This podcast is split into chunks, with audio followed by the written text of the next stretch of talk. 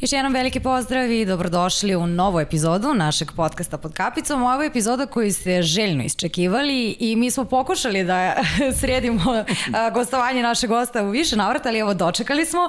U pitanju je stvarno jedan pravi velikan, čovek koji je u ovom sportu osvojio toliko medalja, neko ko je bio i ostao inspiracija a, mladim vaterpolistima i neko ko je definitivno omiljen među navijačima, čak i među onima koji ne prate toliko pomno vaterpolo, pratit će se njegovi važni golovi kojim smo došli do brojnih odličija. Nažalost, pamtimo i to da nije imao prilike da osvoji još medalja i da a, pobedi u još utakmica, ali je zato pobedio u onoj životnoj utakmici i pokazao nam koliki je borec i van bazena. Pa ja neću sad mnogo dužiti, najbolje svedoči koliko je voljen naš gost, pošto su se naši uh, Instagram profili usijali. Pa da, pogledaj ovde, ovde su, to su stranice i stranice i pitanja, naravno nećemo stići sve da postavimo, jer ovo emisija bi mogla da traje 6 sati. 6 sati, bukvalno.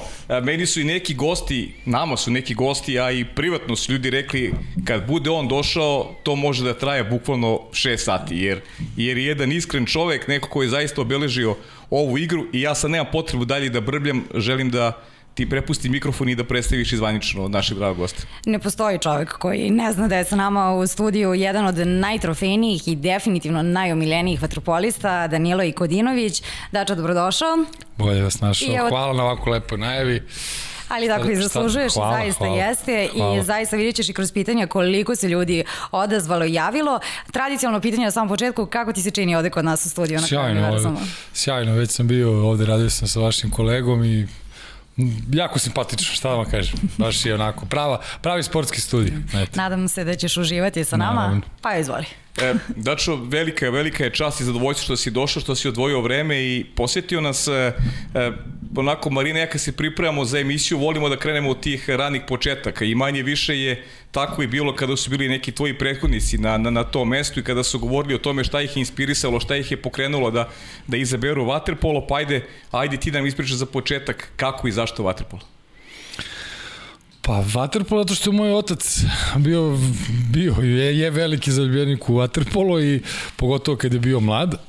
Nije trenirao vaterpolo, trenirao rukomet, ali ono, on je bio ono, ne znam, strastveni plivač, ono, uvek je vo... Moj otac je rođeni Čačanin, on je sa 8 godina došao u Beograd, prosto sam čisto mali, mali uvod da napravim kako je došao, kako je se on zaljubio u Waterpolu. I on je naravno tamo na Moravi naučio da pliva sa bez malo dve godine.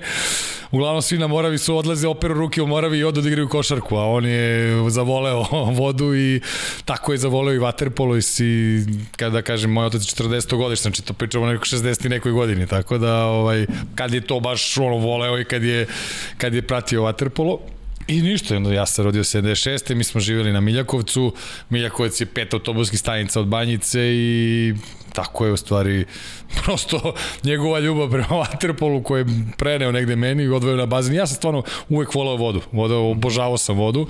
Kako sam svak, svaki, da kažem, raspust, u stvari ja sam Waterpolu počeo trenirati sa 8 godina, znači, ali sve ono slobodno vreme leti kad je tata imao kad je imao godišnji odmor mi smo provodili u Čačku i onda ja sam, kako kažu, svi misle, ne, mnogo ljudi misle da sam ja čačanin. ja samo obožavam čačak i, i da kažem, zaljubljen sam u čačak. Ja, ča, ono, čačak je deo mog, na, na, najlepši deo mog života i kažem, svako, svako, eto, svako leto sam po meseci po dana provodio tamo i ja sam brzo učio plivam i sve i eto, tako je, tako je to sve nekako krenulo. Ja zavoleo vodu, tata me odveo na, na banjicu i ostalo u istoriji. Da, ostalo u istoriji.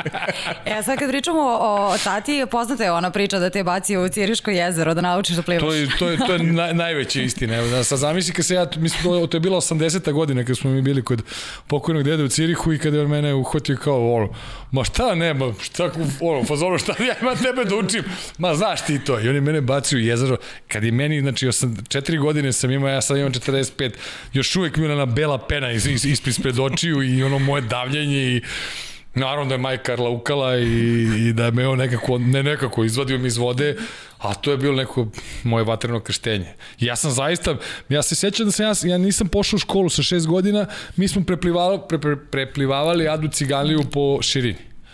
I sjećam se, da eto, šest godina sam imao, uh, neka žena kao piše, pa kao gospodine, da li ste vi normalni? Da ćete s tim detetom u vodu, otprilike.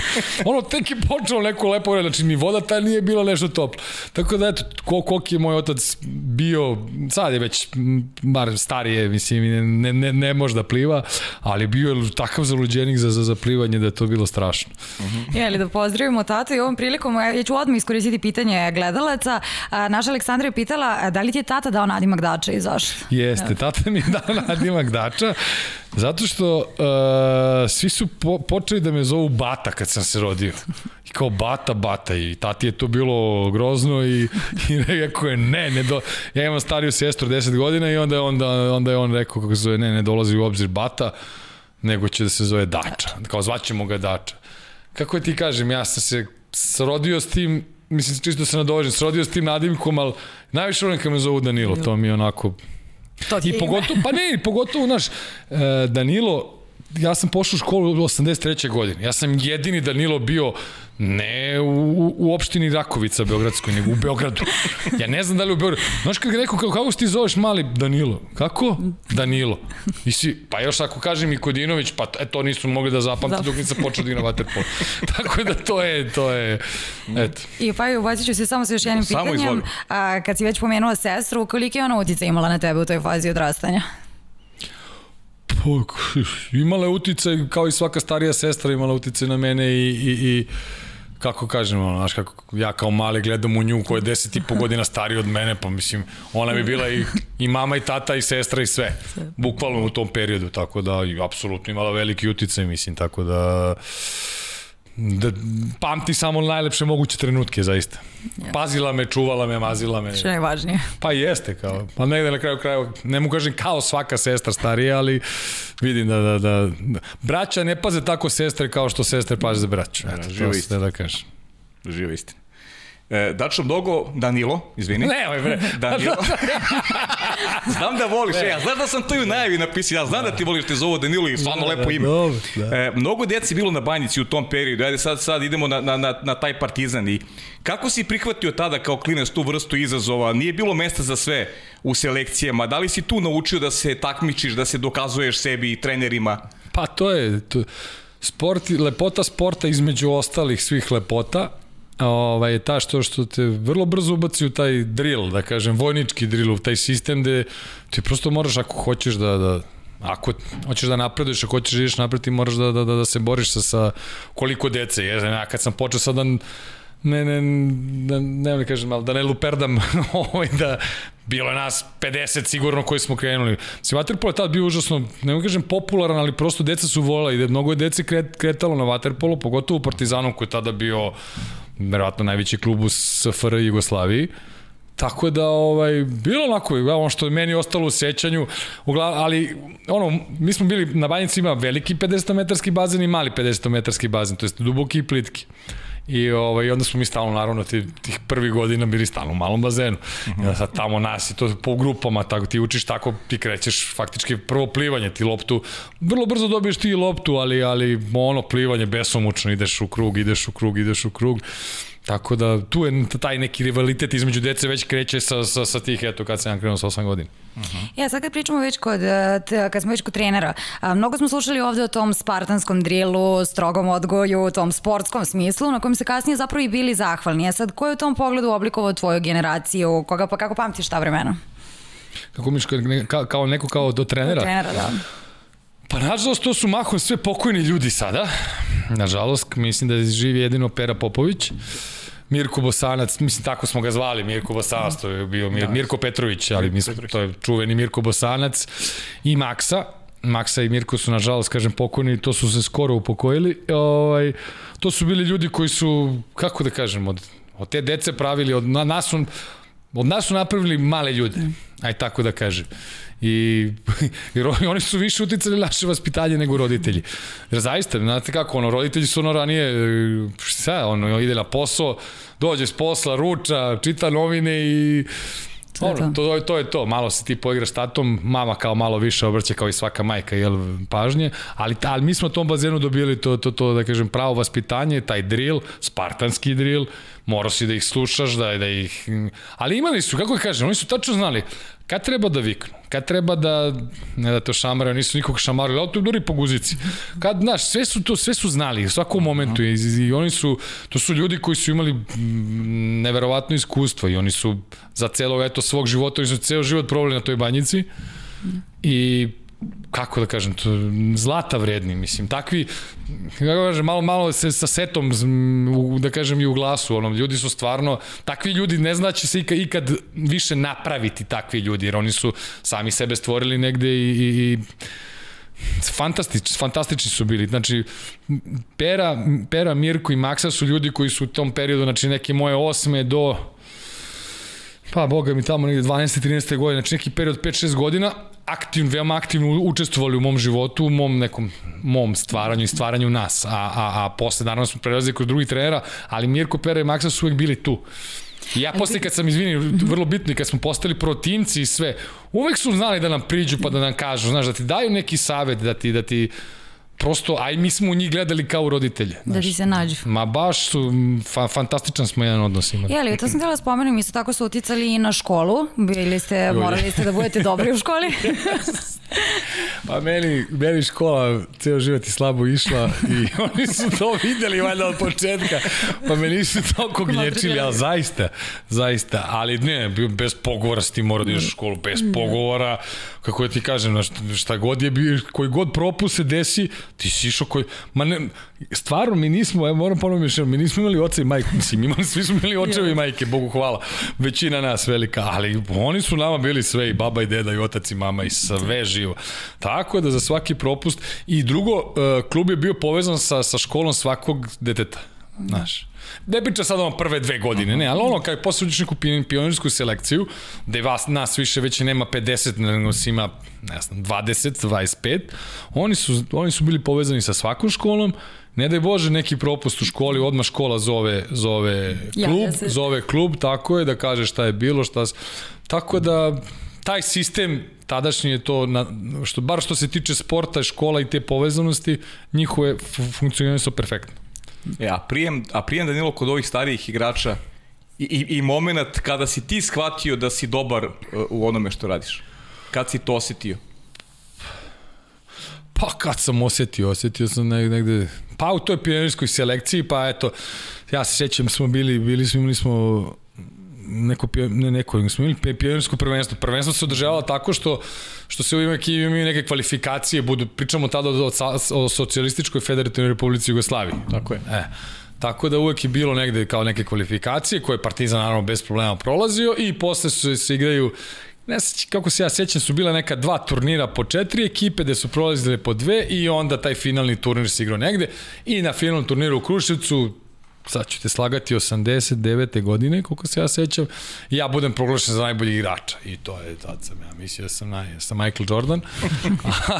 I, ovaj, ali dobro, da znaš, kako je to, koliko je to meni značilo, pa imam peharčić taj kod kuće još uvek. Tako čuvaš, da, čuvaš. Ma, čuj, vidi, čuvam, pa spavao sam s njim do skoro.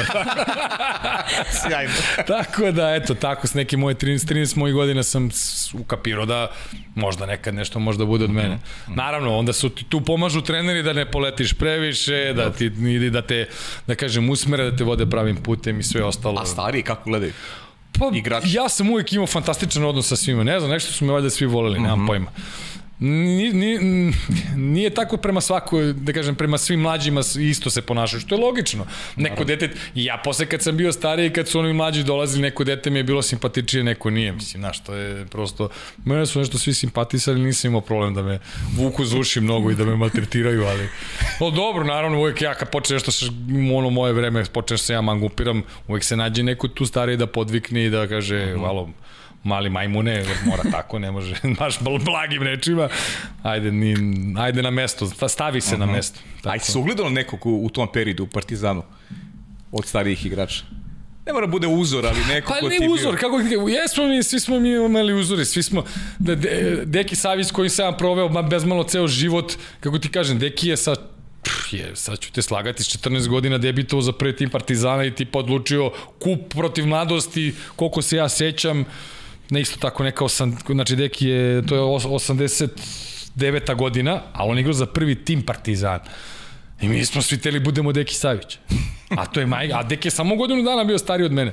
Da, da. I ja kažem, prošli smo sve te mlađe kategorije zajedno, ali Deki je toliko bio dominantan i, i dobar u odnosu na sve nas da apsolutno zasluženo bio u prvom timu Partizana. Mm -hmm. Kažete koji ima, može to da se izvuče negde, osvojili kup, dobili mlado Zagrebačku u, u dvomeču. Tako uh -huh. da, eto, meni je Deki prvi u glavi. Naravno, Igor Milanović u ono vreme da je bio Igor Milanović, znaš, Igor je bio, Igor je bio svima ono kao Igor. Ali Deki, pošto je bio blizu mene, kako kažem, i mi se, smo se znali i Smiljakovca smo odrasli uh -huh. zajedno, iz obdanište škole, svega, i takav jedan moj prijatelj već tada u to vreme postane glavni baja, bio, je on je meni bio sve. Mislim, tako je, a da. sad moram da ti prebacim na malo na izlaske. U Vatrpolu se trenira dva puta dnevno i sada ti od, ne možeš da uskladiš trening, izlazak, tvoji vršnjaci se zabavljaju. Ili ti došlo nekada da odustaneš? Pa je, ima sam jednu, jednu krizu sam imao veliku, imao sam 13 godina. To baš taj period, to ja najbolji igrač i i nešto škola i nešto me povuče i ovi što ne idu u školu baš i to, znaš, Pa valjda krene taj pubertet, krene sve, svašta tu krene. Ja se ne lažemo. I onda sam ja krenuo, u školi sam bio grozan, na treninge nisam išao, ovi zovu, ne znaju gde sam, šta sam. Kako se ja to nešto krio od, od, od, od oca pre svega, nemam ni ja pojma. A i on je nešto dalje putao ovamo, tamo, nije ni bio tu.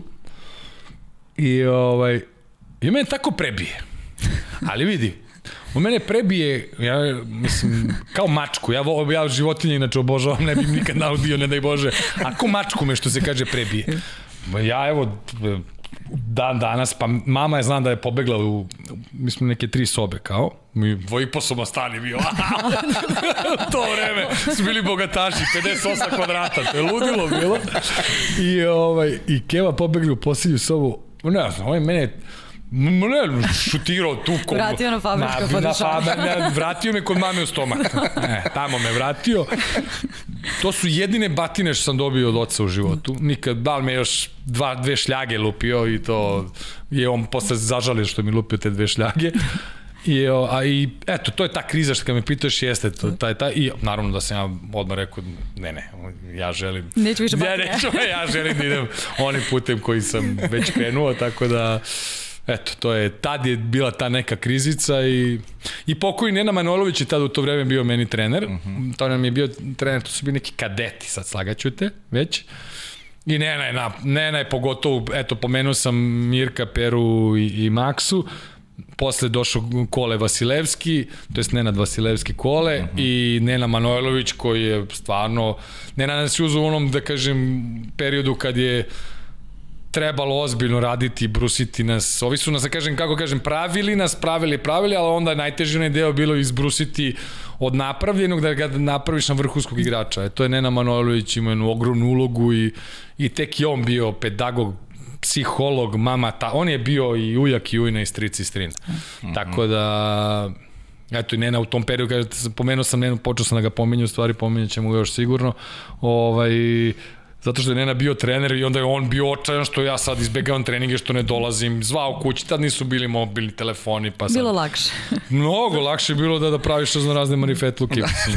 A su ti marifetluci opet kudi kamo bili daleko, daleko benigni nego što su ovi danas. To je tačno. E, to sam baš teo da te vrati sada za trenutak samo na to mm -hmm. danas da li ima takvih ljudi kao što je Nena, kao što su Mirko Bosanac? Da li su spremni ovi klinci danas da se žrtvuju kao što ste se vi žrtvovali u to vreme? Ne verujem, ne verujem, zato što prosto mi smo odrasli drugo vreme, mi smo odrasli u drugom sistemu. Taj sistem vrednosti koji je bio 1984. godine kad sam ja počeo se bavim vaterpolom je bio totalno drugačiji nego ovaj danas sistem vrednosti i mislim, naš, ovo, ovo, ovo danas, mislim, meni je pretužno da gledam na šta, na šta ovo izlazi.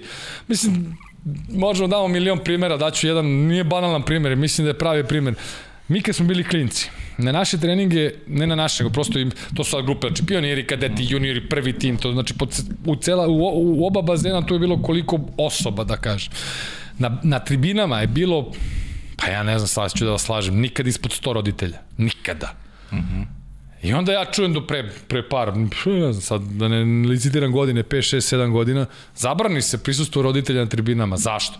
Pa zato što ti roditelji su ti bolesnici, mislim, ja moram tako da kažem, sa bolesnim ambicijama, bolesnim, bolesnim očekivanjima od dece, Onda se, sva, onda se svađaju između sebe, prvo se deru na decu, onda se svađaju između sebe, pa se bezmalo i potukli između sebe.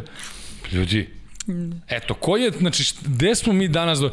Pa ja se sećam onih godina, to kad smo mi bili klinici, roditelji dođu, svako, da li oni pričaju između sebe, pričaju, komentarišu, ali komentarišu toliko tiho da, da, da, da ne znam da se oni čuju između sebe, a ovo danas je, eto, to je taj primjer, znači, sistem, pričamo o sistemu vrednosti, sistem vrednosti je totalno poremećen, sada u ono, u ono vreme je bilo totalno drugačije, znam, nekom je mnogo popularno da, da pominju Tita i partiju i kako je tada u vreme Tita bilo super, opet ovi drugi zagovornici monarhije i desnice viču da kakav Tito nas je upropastio, ne znam, ne ulazim u to da nas je upropastio ili nije, ali onaj sistem, no kako smo mi vaspitani, Ja samo mogu Bogu da zahvalim da sam odrastao u to vreme i da sam imao takve trenere i takve ljude pre svega u tim trenerima da, da, da, da me vaspitaju, da me nauče stvarima kojima su me naučili.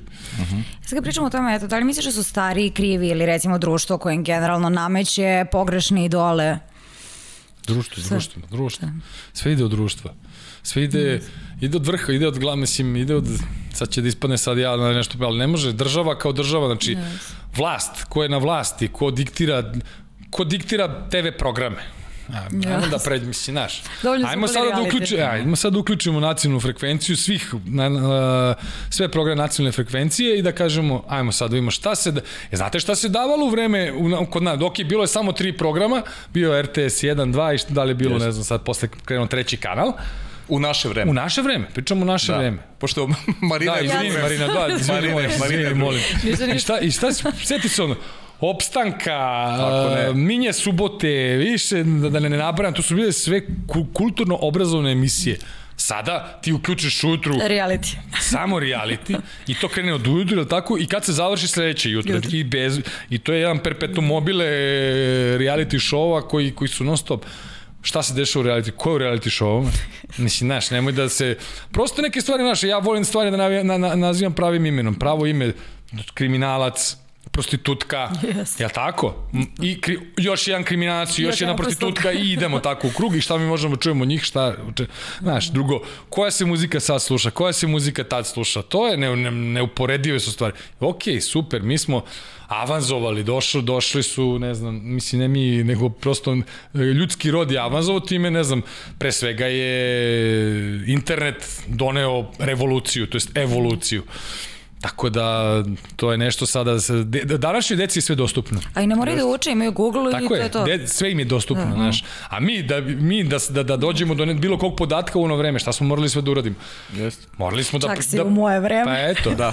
eto, da prekopamo sve živo da bi došli, da se potrudimo i tekako. Ti sada sa dva klika ti, ti imaš ispred sebe apsolutno sve ono što, što, što ti treba i ne treba. Mnogo ti više ne treba. Nego, to je, eto, to je, što je sada deci imaš pregršt nepotrebnih informacija, znaš, koje, koje apsolutno im ne trebaju. E, onda tu sad roditelji treba da preuzmu tu ogromnu ulogu, kako se zove, vaspitača, Roditelji imaju još manje vremena nego što su imali onda, pa i roditelji, valjda, i to su, mah, mahom su rastureni brakovi, ne, ne žive zajedno i tako i dalje i tako dalje, milion stvari.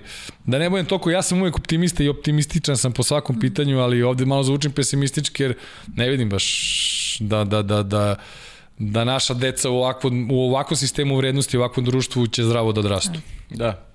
A zato što i mi ne nudimo... Pa ne nudimo bolje. im, definitivno ne, ne nudimo. Zato što svuda ima reality sadržaj, reality programa, ali ne nudimo im ono drugo. Ne, nudi, ne nudimo ono što treba ali da im pomogne njihovu edukaciju. Ali reality sadržaj je pravi prikaz onoga što se zapravo dešava. Slažem se, jeste. Ja mislim, možemo da vrtimo tu priču Do, u naš, nedogled, mnogo u nedogled, da, da, zato bih, naš, da presečem. I, Slav, aj, ali mi, znaš, i nerviraju me ljudi koji kažu, pa šta je tebi je za sve kriv reality? Pa nije mi za sve kriv reality, ali mi jeste kriv ako 24 sata stoji na, na televiziji. Yes. Ok, ali mi moramo u današnje vreme, jer bože moj, sad smo u 2021. godini, moramo da ga imamo, moram. Ajmo da ga ograničimo na 2 sata dnevno od 11 uveče, od 23 do 01. I završi, i kraj priče. Tako je. Ne možem, ne može moje dete koje ima, moje, ja imam mlađe dete, 14 godina, ova velika 20, ona je već devojka, mislim, i, A, 14 godina, pa ne treba da gledate gluposti, a ja ih hvatam svaki put kad, kad dođem, ja vidim da ona gledate gluposti. Malo. Da, da, malo da prošara, pa šta radiš, pa... pa A, što, a zašto? A ja ti pričam, to je u tri popodne. Zato što i se nudi u tri popodne da to može Jest, da gleda. Nudi im se svako no. Pa to je to, daj malo lupam Branka Kockice, daj malo ovog, daj malo onog, daj da možda se izabere sadržaj, Tako a ne je. da bude jednostavno. Samo jednostavno, tako je. Tako je, to je to. Sve uniformisano, jednostrano i samo ti da, nude, nude gluposti, ali... Jeste. Ajmo da se mi vratimo Ajmo, ajmo. Na, na Partizan. Se sećaš prve utakmice? Jel pamtiš to? Pričao si o Dekiju. De, Dekijeve se sećaš, da se sećaš svoje. pa sad slagaću da li to Dekijeva prva, ali to je prva, ono, prva koju sam zapamtio, ali ja se svoje ne sećam prve, ne, zaista, majke mi, iz života mi. Ja sam drugo sam, ja, ja sam sa, sa, sa uh, 91. Oni, ja, studenti već bio tada, Vaterpolo klub studenti, Student, bio da. filijala Partizana. Partizan, mhm. I onda tamo ko je trebao malo da se kali, da se na kraju krajeva iskristališe da li on za prvu ekipu Partizana ili je za prvu ekipu, da ne uvredim, ali u tada, u to vreme Zvezde ili Zvezda bila tek ono, druga prva liga, ono, uh -huh. uđe iz druge u prvu pa ispadne, recimo. Uh -huh. I, ovaj, I onda sam počeo u studentu i onda mi to bilo onako kao uf, poražavajuće, kao šta ću ja u studentu, znaš. U stvari, taj student mi je sjajno došao te jedne sezone. Igrao ja, što sam, zato, zašto? Zato što sam ja sa 15 godina igrao prvu ligu, uh -huh. a prvu ligu, već se tada SFRJ raspala, nije još počeo rat ono total, prva, ta prva polovina sezona kako se sećam, ali je bila liga jaka, ono, s Crnogorcima, Partizan, ne znam šta, slagaću te od ovih ostalih kluba, naravno, naravno već je bio Bečej, Beograd, tu je bilo klubova sjajnih, i onda si, onda si ti igrao protiv takvih igrača, si, sam imao priliku da igram sad slagaću ti više, ne znam, vaterpolo stoku i menja bilo četvrtina 8 minuta, 9 minuta, 10 Bilo minuta, 10, da. ali, a, ali eto, igrao sam između 32 i 40 minuta sam imao priliku, znači malte ne celu utakmicu stalno da igram. I to mi je jako značilo. Uh -huh. I posle su me sledeće godine prebacili u Partizan i eto. Šest godina Partizana Jeste. i da li se slažeš da je posle kup meča sa Bečejem neka šira javnost čula za tebe, dao si neke važne golove, Jeste. pokazao da voliš da preuzmeš odgovornost u tim Jeste. važnim momentima. Jeste, imali smo, to to je, kup se tad igrao, ne, tad se i kup, ja mislim, igrao, to što smo osvojili, se igrao na tri dobijene utakmice. I onako, ja sam svih tih pet utakmica, ne mogu kažem svih pet, ali tri i onu poslednju najvažniju sam najbolje, od, mislim najbolje, ne sad od svih najbolje, ali najbolje ja kao ja sam odigrao i ovaj, dao da, neke važne golove i ne znam, meni uvek e, uvek sam volio odgovornost i u životu volim odgovornost. Iako se, se dosta puta ponao neodgovorno, ali da, ali, ali izađem i kažem, e, ja sam napravio glupost, ljudi, Bogu hvala, nikad nikom nisam naudio zbog moje gluposti, a kažem, da, ja sam napravio glupost, taj da ispravim. Najbitnije, znaš, po meni ova država i sve ovo otišlo, dođevalo zato što nikad niko nije preuzeo odgovornost ni za šta. Tamo oni što su trebali. Kamo sreće da su preuzimali ljudi odgovornost uvek, tako da, kažem, ja volim odgovornost, volim, volim velike, meč, volim izazove, volim, volim kad je, kad je gusto, kad je teško, kad je, kad je muka. I tu se dobro snalaziš. da, pa, To ćemo da obrnemo kroz Da. emisiju. E, Danilo, pored tri kupa osvojio si jednu titulu sa Partizanom. da, samo jedno, nažalost. Samo jednu, da, ali volao bih e, da s nama podeliš iskustvo, nećemo te vraćati na ta domaće prvenstva, i iskustva s onog čuvenog e, Len Kupa i pobede protiv Jadrana i Splita. To je ujedno bio i tvoj prvi međunarodni trofej. Nije Jest. bilo dobro ovde u Beogradu, bilo je nerešeno i onda idete u Split u onu... Da, bilo, bilo nerešeno smo, Ne mislim da je bilo nerešeno. Nereš, jeste, pravo. si. 9-9 čini Tako je, tako je, tako je, izvini. Gubili smo celu utakmicu, Da, bilo je bilo nerešeno 9-9. i tamo smo i dobili 3-2. 3-2 ili da, 3-2 Ili ili četiri. 3-1 ili 3-1. Ili 3-1. 3-1. 3-1, 3-1 jeste, je bilo, jeste, jeste, jeste, 3-1. da. 3-1, da. Jeste. Pa jeste, ali to je ono vreme odmah posle onog nesrećnog i odvratnog rata i mi to je 98. godina. To je da. tako je neki april, maj od 90, april mesec 98. Gde oni dolaze pod pratnjom, mi dolazimo tamo pod pratnjom, znaš kako publika već kod nas i kod njih kako to, Jeste. oni ustaše, mi četnici i sve ostalo, a mi generalno, ne kažem drugari, ali drugari, mi smo bili drugari između sebe, uh -huh. mislim mi sa njima. Tako je, jasno je. Ja se sjećam, tad je Teo Đogaš igrao u Jadranu, ja sam igrao u Partizanu. Znači, Teo i ja smo, malo smo sad izgubili kontakt, ali se čujemo s vremena na vreme, smo se posle onog kroz, reprezentaciju viđali, pa mi smo se volili ko rođeni, mislim, znaš. Mislim, koliko besmisa od tih svih ratova i tih gluposti, to se vidi kroz sport negde. I ovaj, da se vratim na, na, na, na utakmice te, ma da, ono u Beogradu bila tenzija, bilo grozno. Ja se sećam, ja sam odigrao neku katastrofalnu utakmicu, ja, ko da juče bilo. Mm, baš mi je bilo onako, ne, odvratno, mislim, ne, ne, nema drugi izraz, nego odvratno mi je bilo. Ne znam zašto, ali baš bez veze i posle te nerešene utakmice oni su bili ubeđeni, ba kakvi oni će nas tamo da, da nas od, od, oderu. Međutim, mi smo tamo otišli onako, Seća se da smo čutali sve vreme. Ako mi veruješ, znači ono, a to je to sportski, znaš, čutiš, svako je za sebe razmišlja šta je grešio, što je najbitnije, odgovornost. Uh -huh. Svako uz odgovornost. Rekao je šta nije dobro radio, sam sebi je rekao šta nije dobro radio.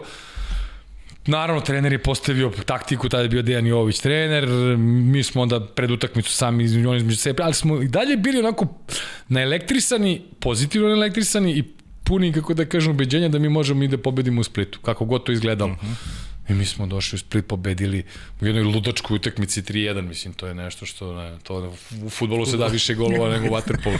Ali bila toliko tvrda utakmica, toliko, bukvalno na nož, ono, gruba i tvrda, gruba i tvrda. Znači, to je bilo i udaraca i svega i svačega, jer oni su teli pobedu pošto po to, jer gde sada izgube Hrvati od Srba kod kuće na svu tu našu ljubav između nas igrača, ali kad se igra vidi to pršti sve živo.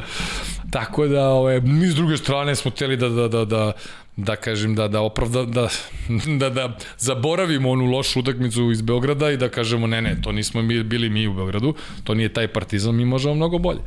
I zato smo zato smo i pobedili. Da Ako ste ti i Deki čutali, onda mi sve jasno. Jesmo, jesmo, veruj mi.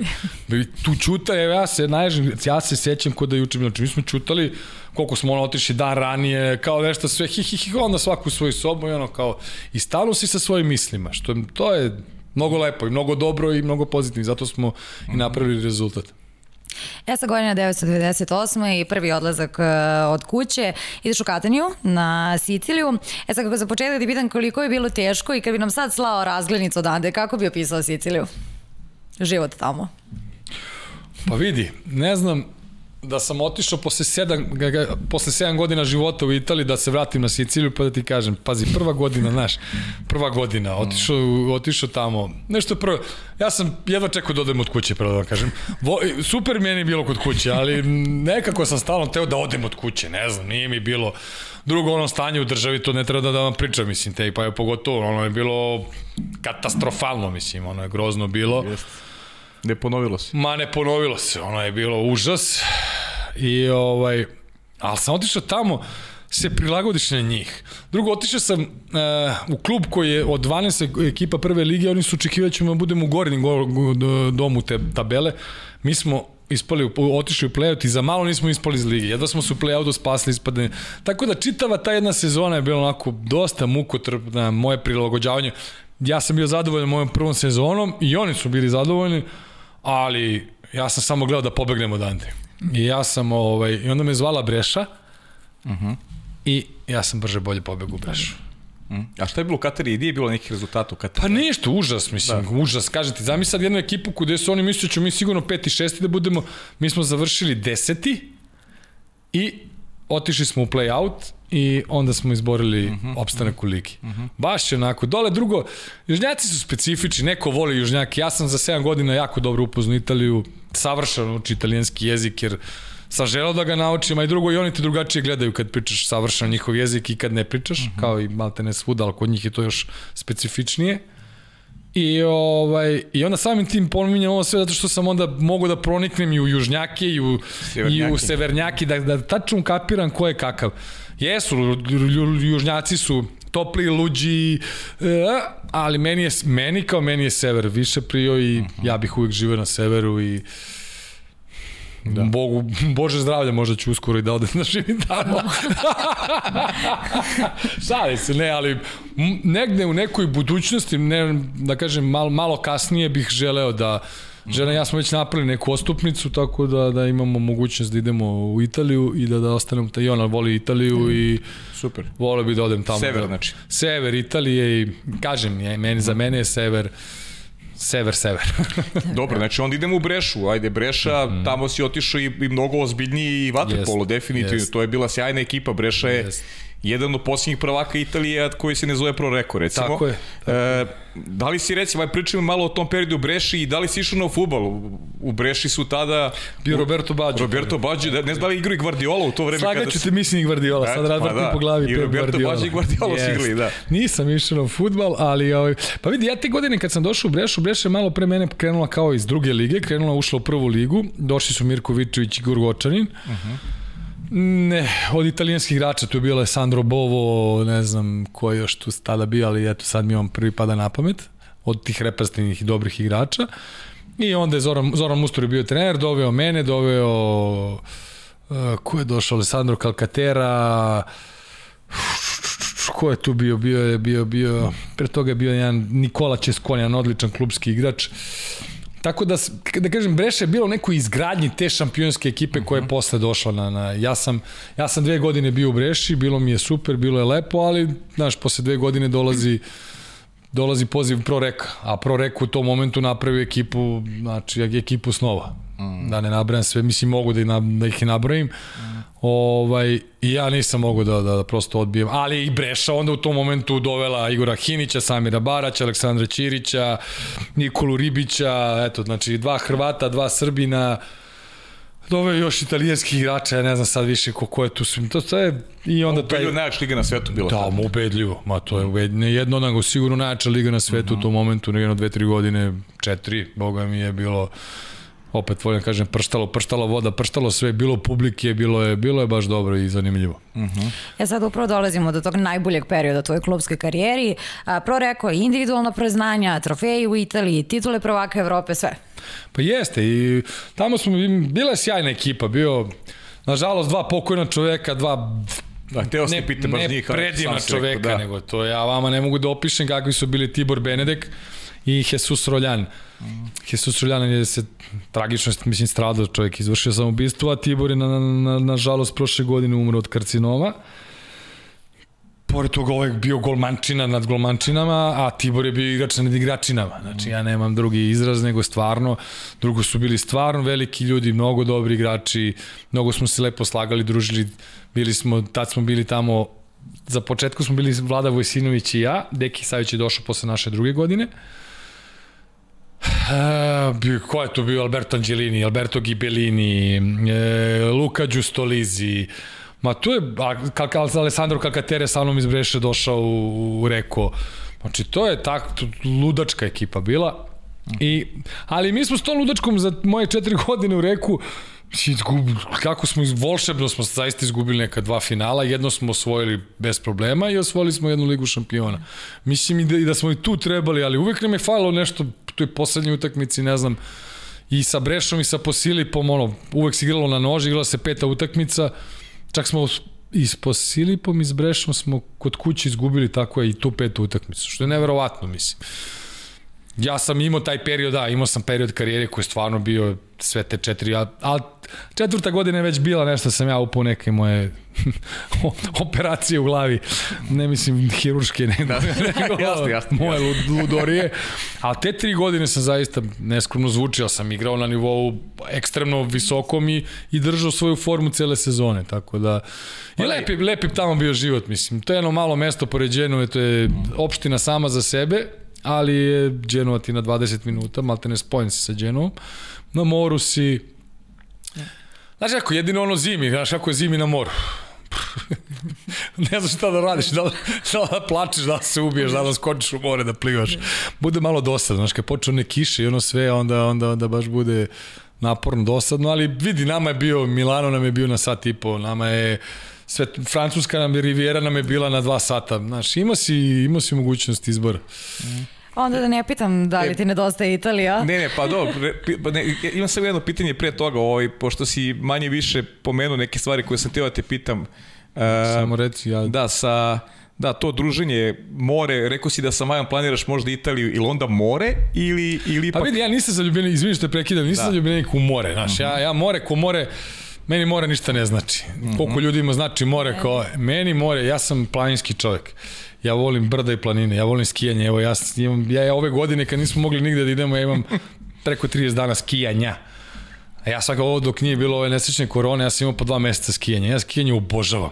Mm. I onda sam ja izrekao sam kad go, tamo, to je bilo tad zabranjeno, sam bežao, nama je relativno blizu, na 2,5 sata, 3 sata su nam bile planine, da ti ne pričam kako su planine u Italiji, italijanski Alpi, italijanski Dolomiti, vamo, to je ludilo totalno. Mm. Tako da more ko more ne, ali da, u budućnosti neko bi Ba, konkretno o Trstu se radi. Trst kao po, pozicijalno, Trst je grad koji, do, koji, do kog stižeš iz Beograda za 4,5 sata. Tako je. Odlično. Lagane vožnje pričamo. A znači, pozicije četiri... za tebi i za skijanje, e, skijanje i more sve. okolo su sva skijališta. Da, Drugo, da more, ja more ne volim u stvari, ja more ne podnosim leti, ja ne volim vrućinu, meni sve preko 25 stepeni me užasava. Mislim, ono, kreka krene, evo više, ja sam sad došao kod vas ovde, da. napolje 5 stepeni, ja sam kratko i majici, ok, imam jaknu, ali ne, ne, ne mogu.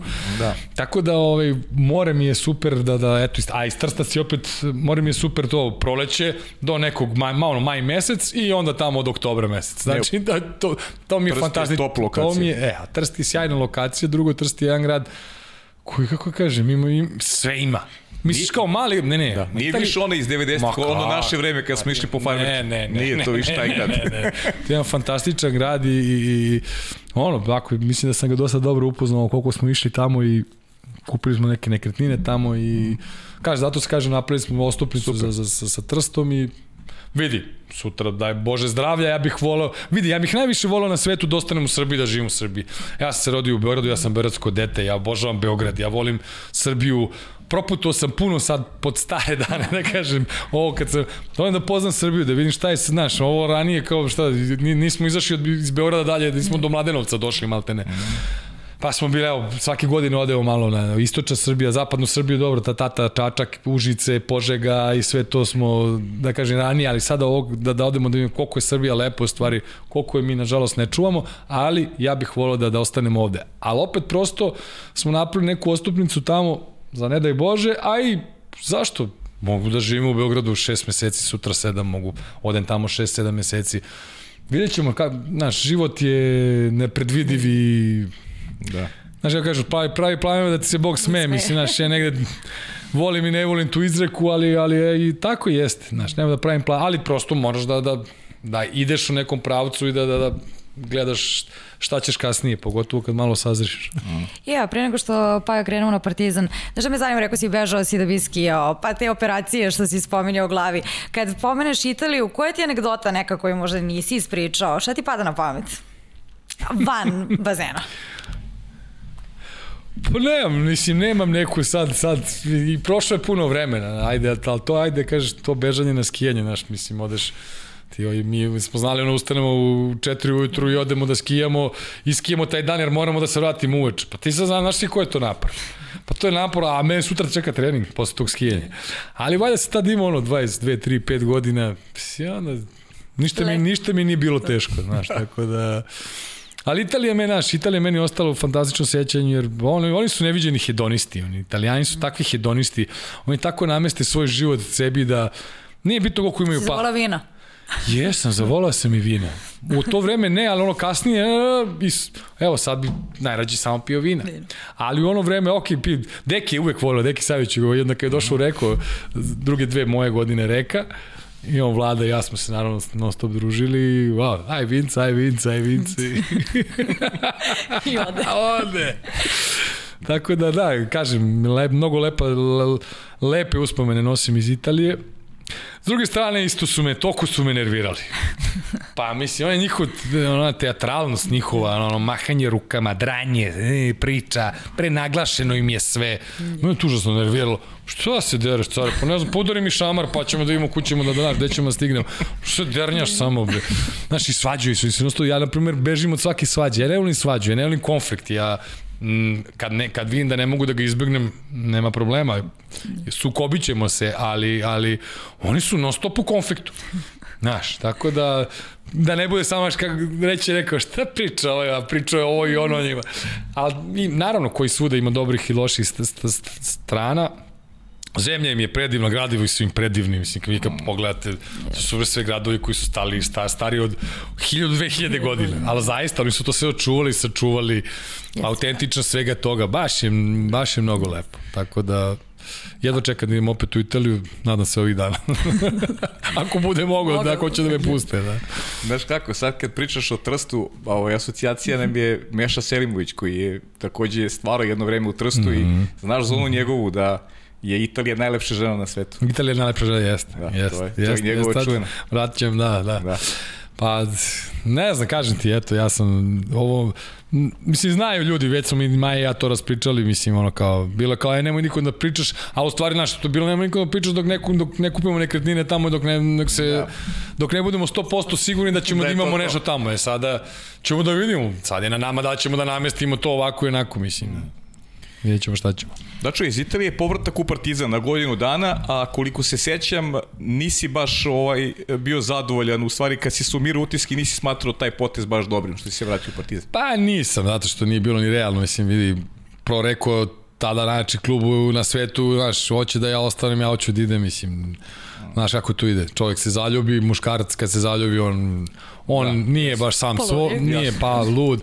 Ženi još možeš nešto i da, ma ne možeš i ženi da objasniš šta je, mislim, sad ja kao, žena je pametna, jesu žene pametnije za nešto, za da. drugo smo mi pametniji, tako da se lepo nadupunjujemo kad... Balans postoji. Kad, hm? Balans postoji. Pa balans, da, da, kad su dve osobe normalne i kad mogu zajedno i kad prave kompromise, da. ali, ali ja sam eto se vratio u Partizan, ne sad zbog Partizana, ne, ne, Partizan je moj klub, ja Partizan volim, ja sam Partizanovac od malena, znači ja uvek navijam za Partizan, nikad ne mogu da navijam za Zvezdu, iako igra, kao igra protiv nekog, pa ne, ne mogu, kako mogu da navijam za Zvezdu protiv Zvezda Barcelone, ne mogu.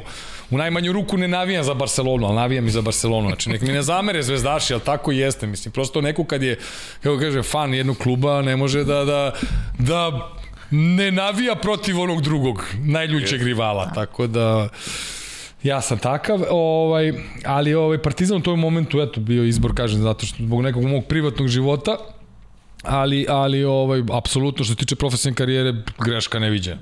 Tako da, Reku koji opet i dalje ima ekipu, mene je zamenio, ne znam, ko nije ni bitno Mađar, ja mislim, neki, ne neki, nego vrhunski igrač, sad, sad mi stava mozak kako se zove čovek, Naravno su nastavili da osvajaju, ja sam došao Partizan koji je bio ono, bio i nije bio, ovi momci su tek stasavali, i Dule Pjetlović i Rađen, Gojko mm. Pjetlović, ko je tu sve bio u ekipi, a to su još uvijek su bili mladi i nisu dovoljno, do, dovoljno bili zreli, Jadar Herceg bio bolji od nas i poprilično lako nas je, mislim lako, ono, bila je borba, ali nas je dobio te godine i, i, i ovaj, evo to je to kad je bio broj 11, ovaj, nas je dobio i kupi prvenstvo, tako da to je to bilo. Što se tiče te epizode Partizana. Da, dobro. E, onda se selimo u Kazanj, u Rusiju. Da, Mića Aleksić, Avramović, sad sam te kad sam vidio. Da, da, Mića, da. Da, Mića, da.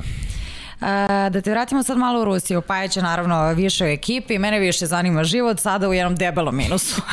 sa tople Italije, sada hladnoća. Auf. Auf. Ma vidi, Sreća Deki Savić bio tamo i Deki Savić je mene i doveo, mislim doveo na preporuku, rekao da, da uzmemo njega, da uzmemo naravno Rusija, ali Deki je tu odigrao glavnu ulogu i doveo mene i Vlado Gojkovića, tako da je bilo nas trojica Srba, Vlada Crnogorac, Mladac, Srbin Crnogorac, brat Gojković i ovaj i, i, i kad kaže život, zato sam počeo ovu priču jer je bitno, bilo bitno da li se je trojica. Da, sam ja bio sam tamo, ja ne znam, ja bih verovatno peške došao iz Rusije. Majke. Mnogo je teško. Kako si doživao Rus? Uf. I ta fama povezanosti sa njima, a? To je najveća laž na svetu. Odmah da ti kažem. Evo, to je najveća laž i pre, jedan, pošto na, nama Srbima su prodali mnoge laži za, za evo, za ovih 45 godina, oko ja znam, ne kaže 45, ali koliko sam svesta, za 20-25 godina su nam prodali takve laži, ali, ali nam prodaju, istorijski nam prodaju, 500 godina nam prodaju laži, u stvari od kosovskog boja nam prodaju laži, Tako, to je mnogo. I ovaj, nemamo mi nikakve veze s Rusima. Mi Rusi jedino što smo pravoslavci. Znači mi smo pravoslavci, oni su pravoslavci. Masa Rusa ne zna gde se nalazi Srbija.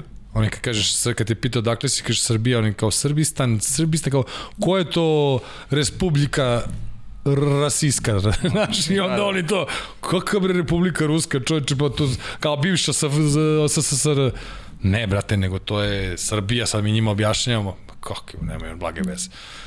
Da smo mi neka braća, da smo mi takvi kakvi je, tako, da nas tako vole i da nas tako priznaju i uvažavaju kao što nama pokušaju ovde da objasne, znali bi oni vrlo dobro da je Srbija. Oni, eto, da pođemo odatle, drugo, oni su ljudi, kako kažem, hladni.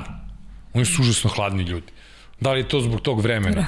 Da li je to zbog komunizma koji tamo traje pa evo 100 godina od kad su od kad, kad se desio prevrat u Rusiji su kad su cara smakli ja ne znam ali oni su toliko hladni ljudi da da je to kako ti kažem drugo ja sam tamo stek utisak da da život znaš oko vredi dve i po rublje, dve i po kopejke na njihove. Mm. Dođe neko te ubije da se okrene da, da, da grozno, majke. Mnogo ih. pa nije A možda, znaš. A sad opet s druge strane, ja, ili to prva stvar koju sam trebao da kažem, vidite ovako, ja sam tamo zaradio najviše para ikada. Mm -hmm. Ali Rusi generalno u svakom sportu i dan danas moraju da preplaćuju igrače da bi im igrači odlazili tamo. Nema veze što si ti sad vrhunski igrač. Jasno, jasno. Ali on tebi mora da da 50% više nego što će ti dati Italijan. Jer meni ne bi palo na pamet da odem u Rusiju, da mi je Italijan dao, lupam sada, 100, 120 dinara, Rus mi daje 140. Pa ne, ja bih rekao idem u Italiju. Ali ako mi Italijan daje 100, ovaj mi daje 160, 150, pa ja moram da odem, mislim, prosto, Naravno. prosto je Tako. razlika ogromna. I onda se ti stisneš i tamo u Rusiji to sve izdržiš. Pitala si me život, život je E da, izvini, ja sam da, ne, ne, ne, ne, ne, tvoja pitanja ne, koja nam šalju. Nego, nego se, sa, se, ma ja se vraćam. I prosto, znaš, ono tamo ti je, kad počne minus je počeo minus, Znaš, ljudi misli kazanje u Sibiru, ne, kazanje u Evropi, kazanje na pola puta između Moskve i Urala. On je nekih 800, uh, 800 km od Moskva. Pa kazanje u neku ruku bio je, bio i ranije i prestonica Ruska je bio. Ono, Eto, ona... slagaću te, da, ne da. znam, ali znam da im je dosta bitan grad, da im je da, dosta mnogo, neke industrije. Mnogo bitan grad. Mnogo bitan, mnogo grad, bitan grad. Mnogo, mnogo industrije imaju tamo Pa boga mi 70-80% su muslimani, to je Republika Jest. Tatarstan, ali muslimani koji, mislim muslimani, evo i u Istanbulu su muslimani, pa kad dođeš, kad kažeš da si iz Srbije, ljubite grlite i ovako te drže, mislim, to je neverovatno moje iskustvo sa, sa Turcima, na primer, fantastično. Ovamo su, jesu muslimani, ali m, to tamo simptome ne pridaje značaj. Da li ne sme da se pridaje značaj ili se stvarno ne pridaje, Tako ne znam, je, da. nije ni bitno. Uglavnom, ovaj, težak je život ako nemaš, pogotovo ako nemaš Dekija Savića i Vladu Gojkovića tamo da, da ti olakšaju to, veruj mi, veruj mi, ja ne znam. Deki je bio prvu godinu sam i bio je posle još jednu godinu sam kad smo i Vlada i ja otišli. Ja ne znam, on je, on je, on je, on je fenomen kako je tamo izdržao, ali dobro. Njemu on, on, on, S fotkom. Pa ne, ali on kaže, meni je tamo bilo dobro, kao, meni je tamo bilo super, kao, nešto se ti žališ. Dobro, neki, ja idem, tako da... E, ja ću iskoristiti pitanje samo gledalaca da se ubacim. Da li si još vozio Lada Nivu još nekad nakon odlaska iz Rusije? Ne, ne, tamo smo je dve godine. Naš trojica smo kupili Ladu Nivu. Ali moraš da kupiš tamo Ladu Nivu. Tamo ne mislim moraš da kupiš Ladu Nivu. Šta da kupiš? Kupiš, kupiš Ladu Nivu za male pare, odličan auto, novo smo je kupili pritom. Da. Tamo kad padne sneg, tamo sneg ostane četiri meseca snega, ja ne znam, to je ludilo totalno. Tako da nismo, nismo. Dobro pitanje. Odlično. Imamo to i imaš li još neku anegdotu iz Rusije poput Živka Gocića koji nam je pričao o putovanjima vozom i atmosferi tokom tih putovanja? Isto, pa je, to je to, mislim, putovanje vozom. Išli smo jednom vozom iz Da, išli smo do, do Moskve, smo išli vozom, a posle do, do, do, do ovog dole, kako se, Volgograda, da smo i do Volgograda. A znaš smo do Moskve išli sigurno vozom, pa da ti ne, ne pričam, mislim, vozovi, šta ćeš u vozu, drugo to kao celu noć, kao legneš spavaš, ko legne spava, svi se dernjemo, urlamo, naravno tu se popije, mislim, se ne lažemo i onda ko može više, ko može manje, on nešto može manje, on krene prvi da se deri, prvi zaspi.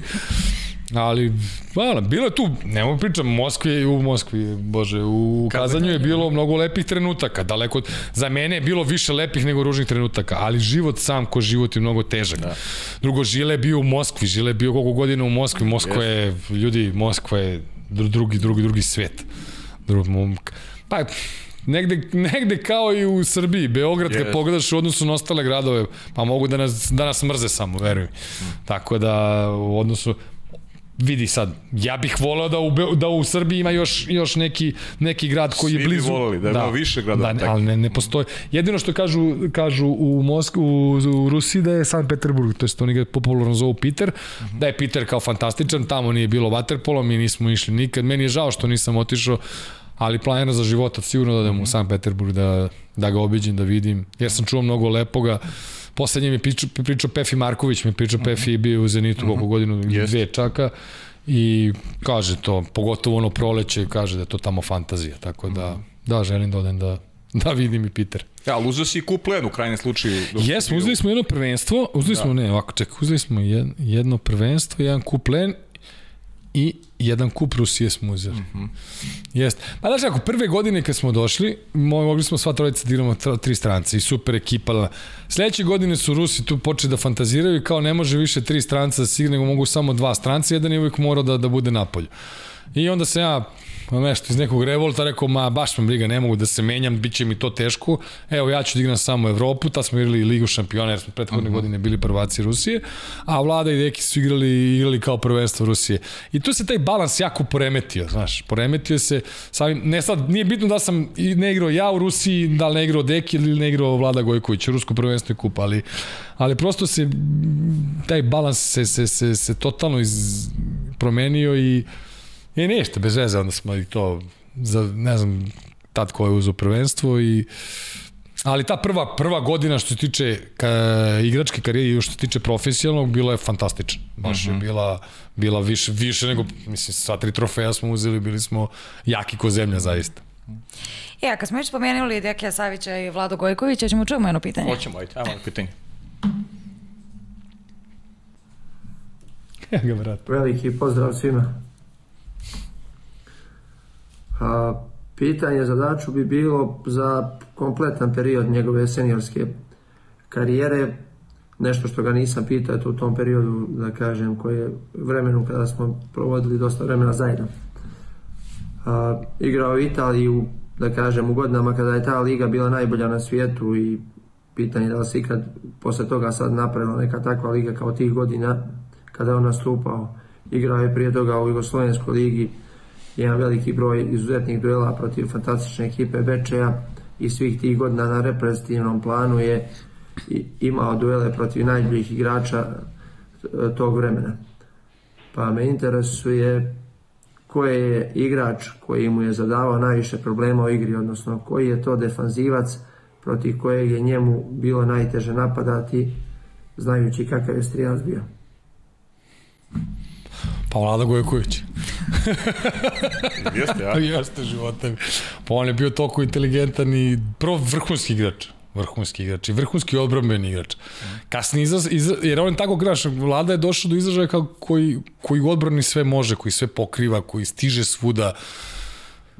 I onda je on kasnije izašao, izrastao on i u vrhunskog napadača i kom, jednog kompletnog vrhunskog igrača poslednjeg ja sada ne, opet ne licitiram, ali poslednje te četiri godine njegove karijere su bile stvarno, ne znam, ne znam se da li bolje igrao napad ili odbranu, ali on je bio apsolutno moj, moj najteži protivnik za proći ga, za, mm. za obići mu ruku, za, za znao je, bio je toliko pametan, on, je, on te čitao, čitao je tvoje pokrete napred. Drugo, on se jako bavio vaterpolom u smislu, ne gledao snimke, gledao, gledao utakmice, Ja, ja, na primjer, to sam vrlo slabo radio, a to je vrlo, znaš, vrlo pouči, vrlo, vrlo poželjno. Ja sam to pred kraj karijere tek počeo da radim i onda tek vidiš koliko, koliko je to, koliko može ti pomogne da, da, da, da vidiš kako neki igrači u određenim situacijama, prosto znaš, imaš od 10 situacija, on u 8, u, u, od 10 nekih, na primjer, igrača više, na toj poziciji, on 8 puta reaguje na isti način. Uh -huh. Znaš, i to je onda, ti pop memorišeš tome, to je vlada sve radio i, ali inače znao, znao da ti pročita i iz očije je znao da ti pročita. Mada i on ima puno muke sa mnom kao napadačem, verujem. Ne verujem, nego znam, pričali smo. tako da, možda smo i, možda smo i jedan jedan. Možda, da, da, jedan, možda, možda jedan sam drugom, ja njemu jedan uspeo, drugom najteži. Možda da. sam ja njemu uspeo da zada, zadam muke, muka dovoljno.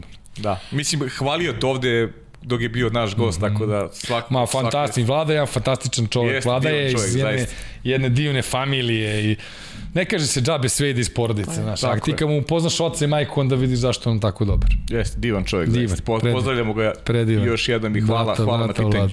Pozdravljamo ga, a prije nego što prijeđemo na reprezentativnu karijeru, samo eto da konstatujemo da si imao dogovor da pređeš u Jadran iz Herceg Novog, baš sa Mi Vladom Gojkovićem. Ugovor, da. Ali svi znamo zašto si. Pa da, i onda sam da. radio jednu pametnu stvar i onda eto, slučajno da. sam tako završio karijeru. da, mogli ste da igrate to zajedno. Pa trebali smo, i dalje, trebali da. smo da igramo, ja, ja što kaže Vlada, ti da si došao te godine, jer smo, pazi ekipu, Vlada Gojković, na golu Radić, ne, ili Radić ili ovaj mali što je posle uh, iz Kecinovog, ne, Šćepanović. Šćepanović, da. Slagaću te da radi zašto Šćepanović, ne da bitno. Da Šćepanović, da. Boris Loković, Nikola Janović, ja, pa mislim, alo, kakva ekipa, ekipa da se mm. zalediš. Da. Vlada je bio ubeđen. Vlada inače, Vlada fantastično poznaje sport kao sport. Nebitno mhm. -huh. sad vaterpolo, košarku, futbol. On, os, znaš kad ima tih ljudi koji strašno osjećaju sport, vaterpolo da ne pričam, i oni kažu, ja, kaže, ja sam ubeđen da bi mi, ma kaki, ubili bi ligu šampiona. Ja rekao, Nije da se desilo... Da, to je ćemo? onaj poraz, onaj od primorca što su... Jeste, jeste. Kad je Primorac bio prvak Tako Evrope. je, tako je. Tako je. E sad samo što Ti bi si trebao da budeš ta bili bismo mi. Pa Da. ja, prosto bismo, kako kažem, bili bismo svi Ti, pa dobro, dovoljno naravno. jaki kariki ne Tako bi je. nijedna karika popustila. E, to, to, Eto. to. Ali dobro da mi pređemo na prezentaciju. Idemo, da. E, ostali ste kao generacija, dačo, uskra, uskraćeni za međunarodne takmičenje juniorsko, u juniorskoj konkurenciji. Nedorečen. Naravno, zbog sankcija, da, to je, to je, pa je tvoje neko debitansko, da, učešće je vezano za 1997. godinu, ako se ja ne sjećam, Jeste, to, to su mediteranske igre bile. Tad je bio i svetski kup i EP u Sevilji. Tad je Jeste. osvojena srebrne Jeste. medalje kod, Nike, kod Nikole Jest, Stamenića. jest, jest, jest, Jel tako? jest, tako je, tako je, tako je. I bili smo na... Da, mediteranske igre su bile više zato što su tu bili Hrvati na tim mediteranskim igrama, pa smo čak uspeli da se pobijemo za vreme utakmice i tako, mislim, Tako. zvani, da, da, da, skočili sa klupe, pa čitava frka, ali to je naš rad završen godinu dana pre toga, ili dve, koliko, još uvek sve mnogo sveže i baš onako na elektrisani smo svi bili, oni pogotovo. I, i eto, te mi ali ta, da kažem, početak te neke naše generacije je bio ta 97, 97. evropsko prvenstvo u Sevilji. Kad smo mi, prose godine bio neki 21,2 recimo, i mi smo otišli na to, na to evropsko prvenstvo i ušli u finale pritom dobivši četvr, u grupi se više ne sećam s kim smo bili, kako smo igrali. Ja se sećam četvr finala sa Špancima,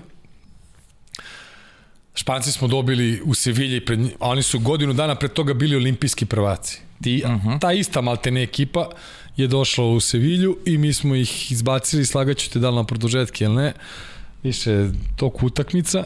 Onda smo u polufinalu dobili Hrvate koji su koji su bili finalisti olimpijskih igara sa tim Špancima, znači vice, vice šampioni olimpijskih igara, dobili smo njih.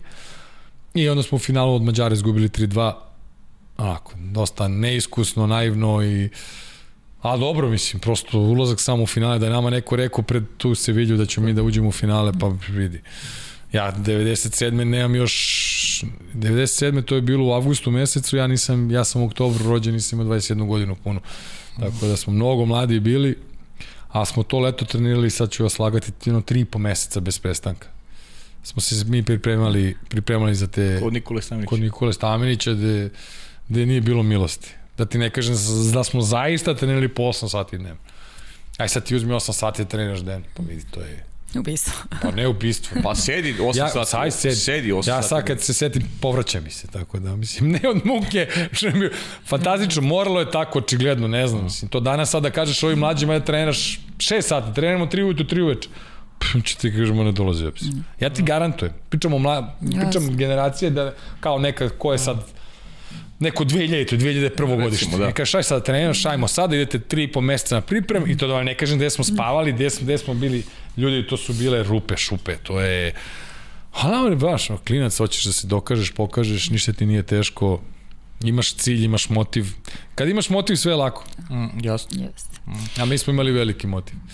E sad pre nego što prijeđemo na Pert, evo pitanja, koliko je bilo neobično i teško odmah ući u A selekciju s obzirom da njegova generacija nije odigrala ni jedno juniorsko takmičenje? Pa jeste bilo teško. Mislim, te, ja to ne mogu da znam jer, jer, jer pardon, Jeste teško jer ne mogu da znam jer, jer ja to, kako kažem, nisam prošao, ali sve ono što preskočiš u, u životu, znaš, kata te sačeka Ne. iza, iza ćoška, to, to ne iskustvo, to je što, što nemaš iskustvo u tim, tim selekcijama kadetskim, juniorskim. Ja sam uhvatio samo sa SFRJ, baš u pro reku, tad sam kao debitovao za SFRJ, reprezentaciju, tačno, mi smo poslednjim avionom iz Ljubljane došli za, za, za Beograd, znači to je pred sam rat, poslednji avion bio naš, ovaj, mi smo bili nekom turniru u Reku, to bio neki veliki internacionalni turnir i to je moglo da bude kao neko mini prvenstvo, ali nije ni to bilo mini prvenstvo. Ali eto, toga se sjećam i to, i to fali, fali ti ta, ta, to nadmetanje, da kažem, sa, sa, sa, sa ostalim reprezentacijama.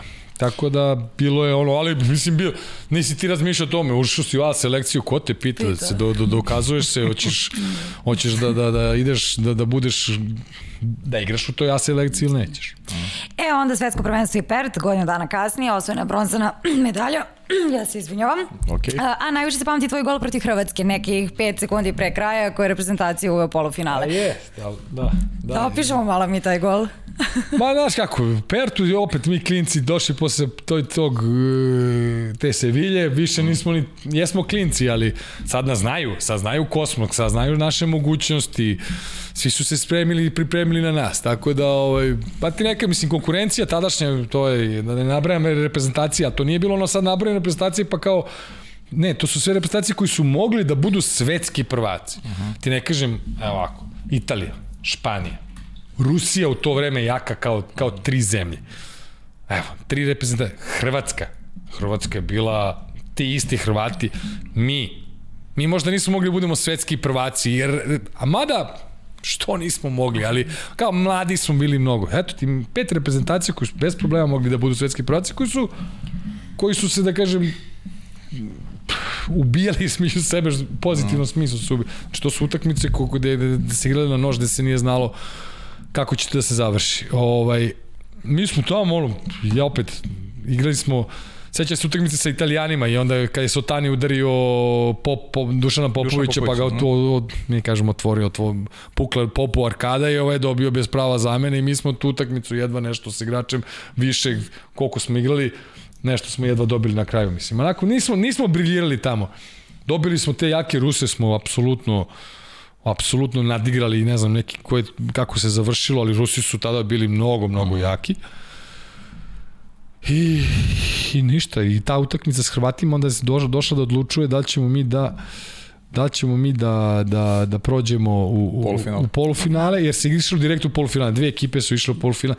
Ne znam sada razmišljam koga smo mi u tu grupi izgubili, nekog smo izgubili, zato smo došli tu situaciju be, bezveznu. Da je trebao bod protiv Bod je Bredo trebao, samo bod nam je bio dovoljan protiv Hrvata. Mm -hmm I mi ono gubimo eto koliko i sad tu se mi nešto razigravamo za mislim nema tu sad svi me piti da nas kako pa nema tu kako. Care uzmeš loptu i, I stegneš se i šutneš pa puklo da puklo ne mislim kako kažem ti ideš ja idem na to da dam gol ne, ne šutiram ja ne, ne žmurim ne šutiram. Ja sam i gađu tu nisko znam da cele te pripreme Nikola Stanović je mi govorio uvek insistirao ti ti šutevi ono kad iz prve što za šut iz prve kad se digneš i šutiraš da idu da idu svi šutevi da idu nisko. Jer golman automatski kako ti dižeš i kad ćeš da šutiraš on negde očekuje ćeš ti da da da da, da šutneš visoko. Uh mhm. -huh. I taj goj tako i prošao, on je njemu prošao malo on je krenuo, nešto je krenuo i tačno mu je prošao ispod, ispod dveru. On je golman taj Školneković branio pa mu je prošao između ispod ruku tako da i taj nas gol Bogu hvala odvede u polufinale i Dobro, u polufinalu naletimo na Špance koji nas, onako, zasluženo nas dobije, ja mislim, nešto 4-2 neki isto mali rezultat bio, mali rezultat. ali nas je... 4-2, 5-3, tako. Tako, 5-3, bom, bravo, bravo, mm pa ti se bolje sećaš od mene, zaista, ne, ne, 5-3, pre će biti to. I to sam se onako dobili bez ikakvih problema, a oni su opet, oni su bili i dalje ta olimpijska ekipa, to jest olimpijski prvaci, ne olimpijski ekipa, ne olimpijski prvaci, oni su posle u finalu bili svetski prvaci i, i, i Mađare su dobili, koliko se sećam, a mi smo za bronzu dobili Australiju poprilično lako. Australijanci su bili kao, bože, neki hit, tad su počeli da igraju vaterpolo, ali mm, mislim, nisu, nisu bili ni blizu našeg nivoa. Jel po tom golu pamtiš Australiju ili po nečem drugom? Po čemu drugom? Pa mislim, mogu ne znam, neke kada... insinuacije viditi, ne, ne, ne, viditi nema, u očima, ne znam. Ne, ne, ne, nema, nema, pitam ovako kada se to takmičenje pominje.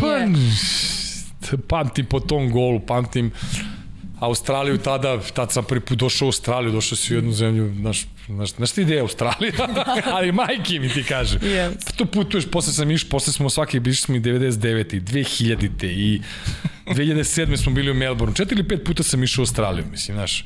A te, te prvi put onako, onako, dosta je Daj ti ovog utisak kad dođeš tamo da si daleko. Zašto? Nemam pojma.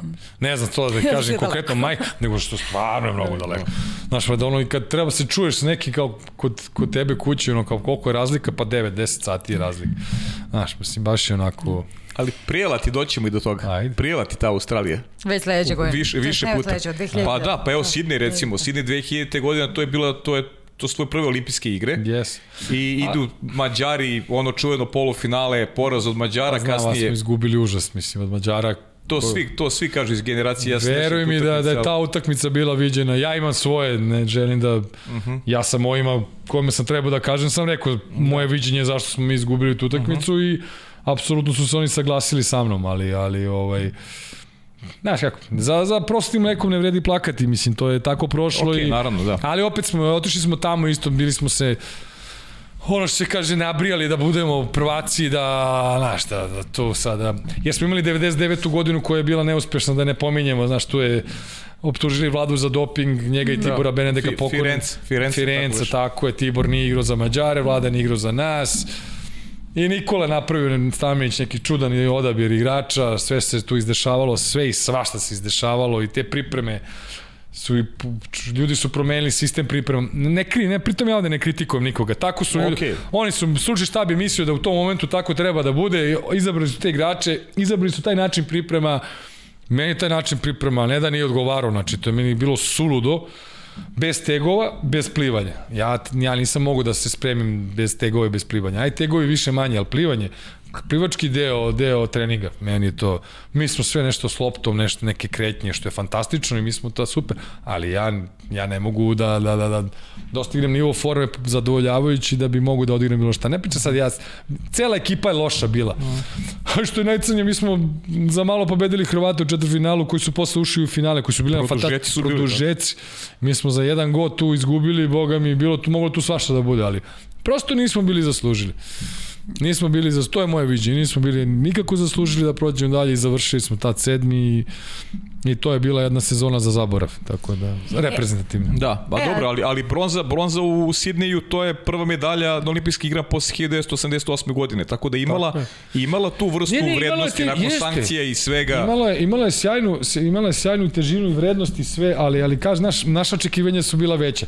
Da. Uzmi samo našu reprezentaciju koja je tu bila, naša reprezentacija baš je bili smo prejaki. Bili smo prejaki na svim pozicijama. Sve to nekako dobro i funkcionisalo među nama, što je jako bitno ovaj jer na pojedinim prvenstvima nije dobro, neke stvari nisu dobro funkcionisale i onda se automatski održavalo na rezultat, mislim, znaš. To ljudi ne znaju dok ti posle 10 godina to ne kažeš ili ne treba sad pričati, pogotovo ne treba pojedinačno sada je to je ovaj uradio, ne, ne, ne, ne, ali pro, znaš, čim je atmosfera loša u ekipi, kao i na poslu, sada evo vas četvoro da radite, to je na četvoro da radimo ovde, neki jedan bude loš, Tako je.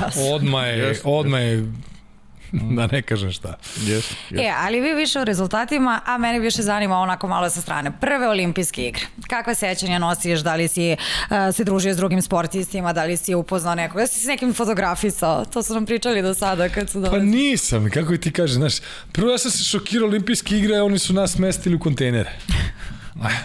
Eto.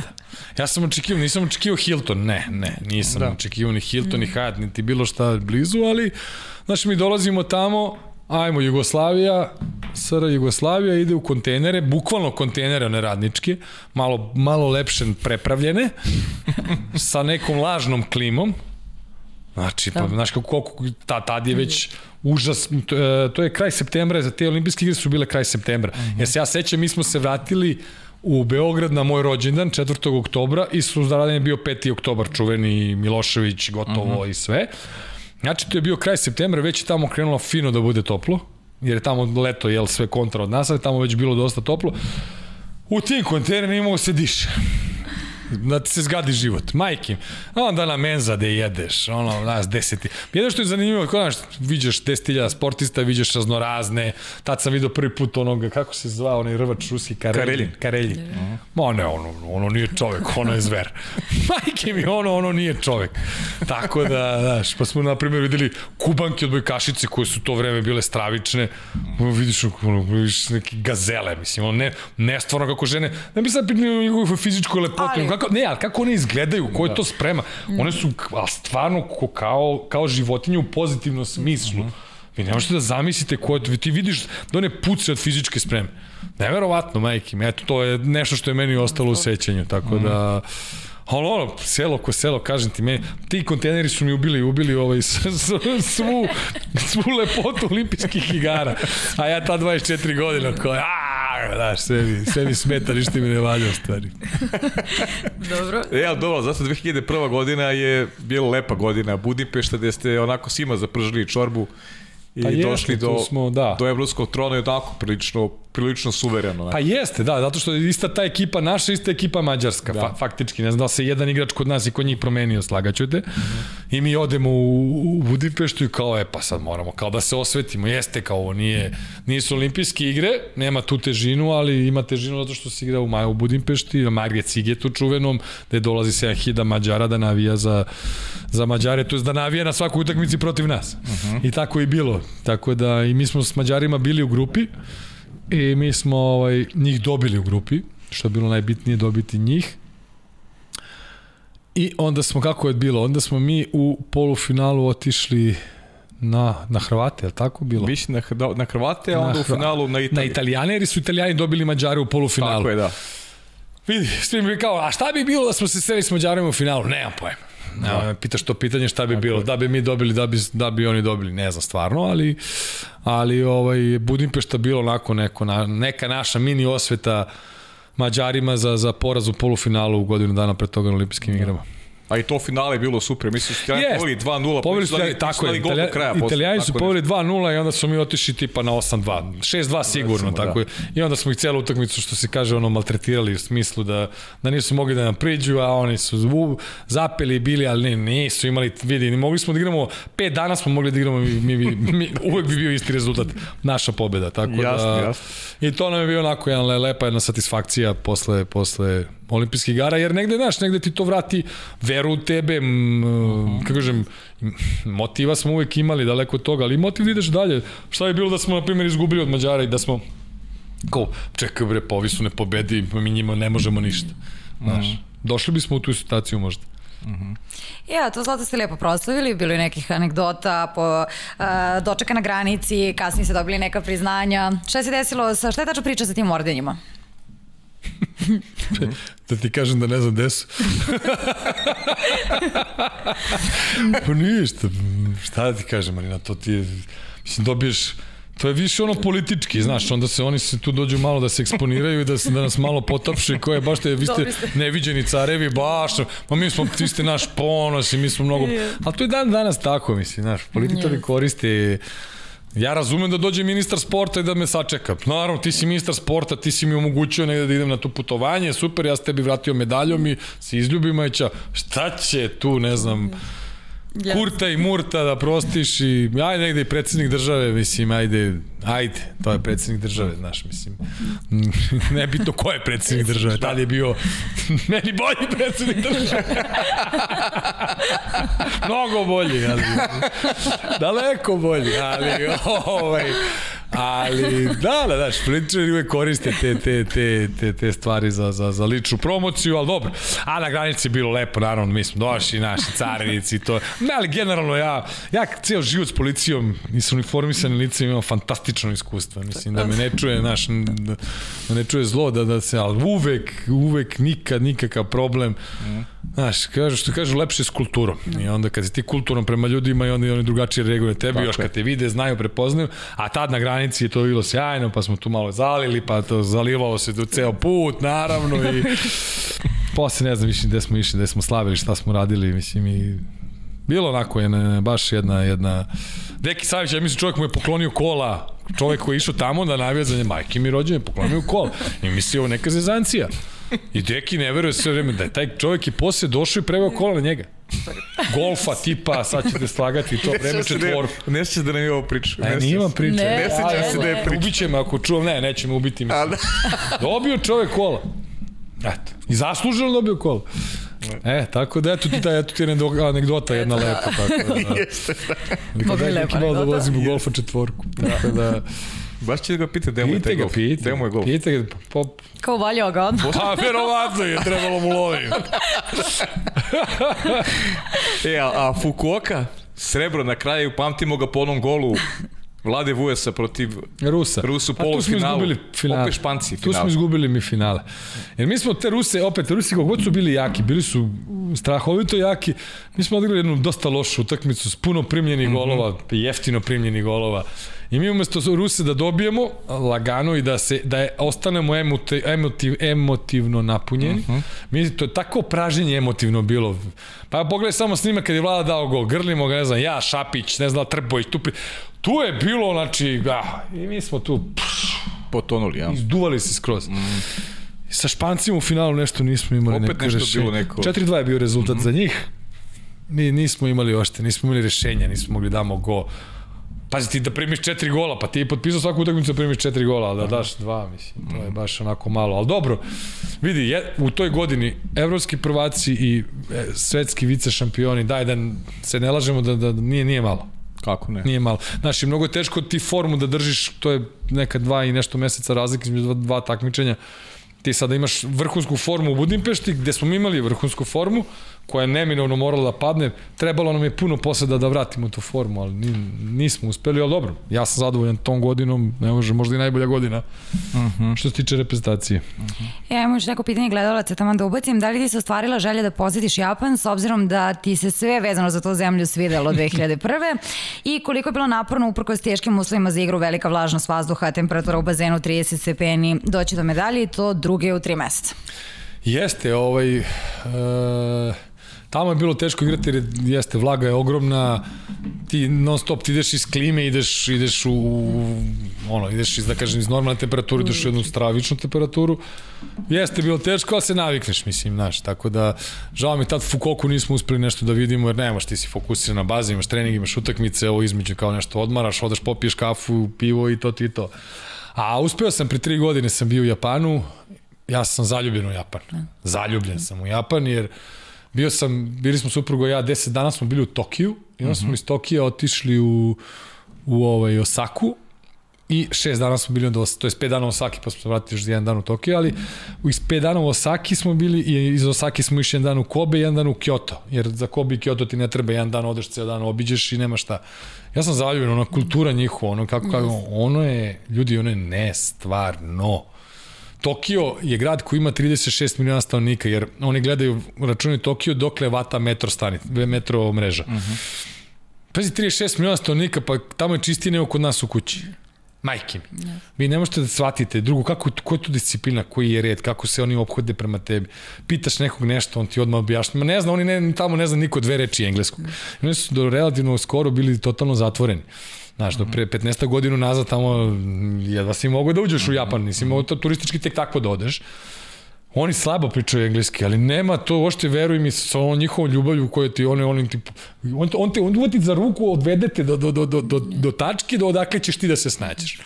I nije mu ništa te, mislim, to ti govori o njima, znaš, mislim, stvarno su, ne znam, ja sam, ono, toliko orga, organizovanost njihova, tačnost njihova, Znaš, kad piše da dolazi metro za 7 minuta, on je za 6 minuta i 59 sekundi tu, ne, znaš, nema šanse da, da bude drugačije. Meni se sviđa njihova hrana, sve mi se sviđa, ne znam, meni je sve... Da. E sad, Maja moja ima tamo drugara jednog koji je već 10 godina tamo, koji radi za neku njihovu firmu, koji fantastično priča japanski, koji je završio na kraju krajeva japanski u, kod nas, pa je otišao tamo, pa postao menadžer firme i sve ostalo. I kaže, pa dobro, kaže, super, ja kažem, jo, kako bi ja bio ostao još mesec dana ovde, kaže, ma da, kaže, ali ja sam ovde 10 godina, kao naš, malo, mnogo je velika razlika između japanske kulture i, i bilo koje druge kulture, pogotovo naše, evropske, to je naše poluturske, polusrpske, ne znam, ja mislim da se ne lažemo, Turci su imali ogromnu utice na našu nisu, kulturu. Naravno. Sad, znaš, kad ljudi se dosta kao, kako to pričaš, nismo mi Turci. Pa ne, nego smo šta, ne, mi smo veliki Srbi koji, koji smo bili samo 400 godina po Turci, pa nemoj da, da zezate ljudi, mislim, znaš. Tako da, ovaj, kaže, Aca, taj drugar Majin, naš drugar, da kažem, moj kaže, jako velika, velika razlika, sve je to lepo kad te ja ovako uzmem, pa te odvodem, odvede, od, pa stvarno nas je čovjek proveo, i Luka Pavićević je tada bio trener, još uvek je Luka tamo, i Luka nas je isto vodio, ali Luka, na primjer, isto priča sve, sve najlepše u Japanu. Ali da. ipak Italija. Dobro, da, da. Pa dobro, da, da, da, da, za život pričamo, da, da, da, za, za obići, da, za obići. Za otići na skijanje nekad. Za otići na skijanje nekad. Da. A, hoćemo pređemo na 2003 na krajnji Barcelonu? Da, možemo, ajde, ajde, možemo da prođemo krajnji Barcelona, bilo je teško jedne godine osvojiti sigurno dva velika takmičenja. U krajnjem slučaju ti si imao jednu vrlo interesantnu izjavu uh, apropo tih igara svetskog prvenstva evropskog u istoj takmičarskoj godini, uh, rekao si jednom prilikom da kao da ljudi žele da ugase vaterpolo kad igraš dva najveći takmičenja sezoni. Meni je to strašno, majke da. mi. I, da, i dalje, ta, ne, i dalje, i dalje, ne, sad više nije tako, Pa nije sad su tako, ali- razdvojili, ali, ali svake e, četvrte godine ono imaš, imaš evropsko, pa je, imaš svake četvrte imaš evropsko i olimpijadu u, u istoj U godini. istoj godini, da. Jeste, da, tako jeste. je, tako da, ali mislim, ne, zašto? Zato što ti imaš, zašto, zašto ako hoćeš jedan sport da igraš na neki veći nivo, pa ne možeš da imaš i evropsku i svetsku u razmaku od dva meseca. To je nenormalno. Pa čak i da je na, jedna u, u, u januaru, a drugu u decembru, mislim, iste godine, ali ne, ne može, ne, nije, nije normalno. Tako da, ali taj kranj, kranj je već kranj kakav je bio, mislim, kranj generalno ono kroz grupu i sve, to je, mi smo se faktički prošetali četvrfinale i polufinale. Finale sa Hrvatima, mislim i onaj haos na tribinama i neobezbeđenje Slovenaca i da budemo prepušteni sami sebi i da posle niko ne odgovara za to. Znaš, meni je to, meni, kako kažem, meni je to bilo krivo, pa nema, ne, ne, ne može tako, mislim, ne može da se desi sve ono da što se desilo i kao nikom ništa. Ne kaže, ne treba sada ih njih izbaciti četiri godine, ne, ne, ne. I ne treba ih izbaciti sad ni sa jednog takmičenja, ne, ne, neke sankcije, nešto je moralo da bude. Nemam pojma, platite milion evra. Da, Mislim, ja šta raz- god, pa da, jasno. Razumeš me? Mm. Nego su svi, oni su prošli bez ikakvih sankcija. Ok, nisu ti, nisu ni igrači krivi, ni treneri, sve se slažu. Vaši su navijači, žao mi. Da su bili naši, siguran sam da bi, da bi bilo sve kontra. Tako da, izvukli smo žive glave dan da je moglo da bude tamo sve i svašta, mislim. Nije uopšte bilo naivno, verujte, pogotovo kad smo bili tamo, znaš, ona rulja je njih 3000 Ti šta, ćeš, šta, šta da radiš? Nas je, koliko je nas? 20 i ovih naših još 20 i šta ćemo mi? I 30 policajaca. Da, Šapić je rekao da misli da ste vi vodili e, kako se utakmica ne bi odigrala do kraja. U finalu. Da ste vodili da se utakmica ne bi Da odigrala. se utakmica, da. pa verovatno je tu u pravu, da, da, da, da, nego sreća sreća da, da su oni vodili sve vreme, da smo mi posle prekre, pa produžeci, pa su oni misle da će tam, i slažem se s njim potpuno. Slažem se s njim, da. Barcelona? Pa Barcelona smo došli tamo dosta ubeđeni onako da možemo da bez problema da budemo i svetski prvaci, onda su nas Italijani u polufinalu šokirali kao naš nepravedno suđenje, ovo ono, jeste bilo loše suđenje, jeste užasno loše suđenje, Šefix pro, povredio prst oro i posle je ostao da brani, ali nije branio za treće mesto, ali Kuki je Kuljač odlično branio za treće mesto, tako da smo osvojili tu bronzu protiv Grka. Pa A to Deki, sta- Deki nije igrao. I Deki nije igrao jer je izbačen. Izbačen, da. Tako je. Tako je, ovaj, ali baš je bilo onako loše suđenje, ali mi smo onda uvukla se nervoza u nas i sve i oni su uspeli da svojom prepozna, prepoznatljivom polu provokatorskom igrom da nas, Da. da. nas izbace, ali zasluženo, oni su za malo dobili Mađare u finalu, izgubili su na produžetke. Odlično su igrali to prvenstvo, mislim. Celo prvenstvo su oni bi igrali odlično i to su bili sve vrhunski igrači. Nema mi tu za čim puno da žalimo, da se ne laže. E, onda idu olimpijski igre u Atini, 2004. Oni nesrećni poraz od Mađara. Gotovo da su nam svi akteri koji su tu sedeli uh, tog finala, svako imao nešto sebi da zameri. E sad, kako Oj, ti gleda? Koje su tvoje uspomene? Pa isto, mislim, znaš. Vidi, e, tamo je neka, ta loša atmosfera, gde sam rekao da je bila od, u, u, u Firenci. Sid- ne, ne, u Sidneju. Sidneju. U Sidneju je bila dobra atmosfera.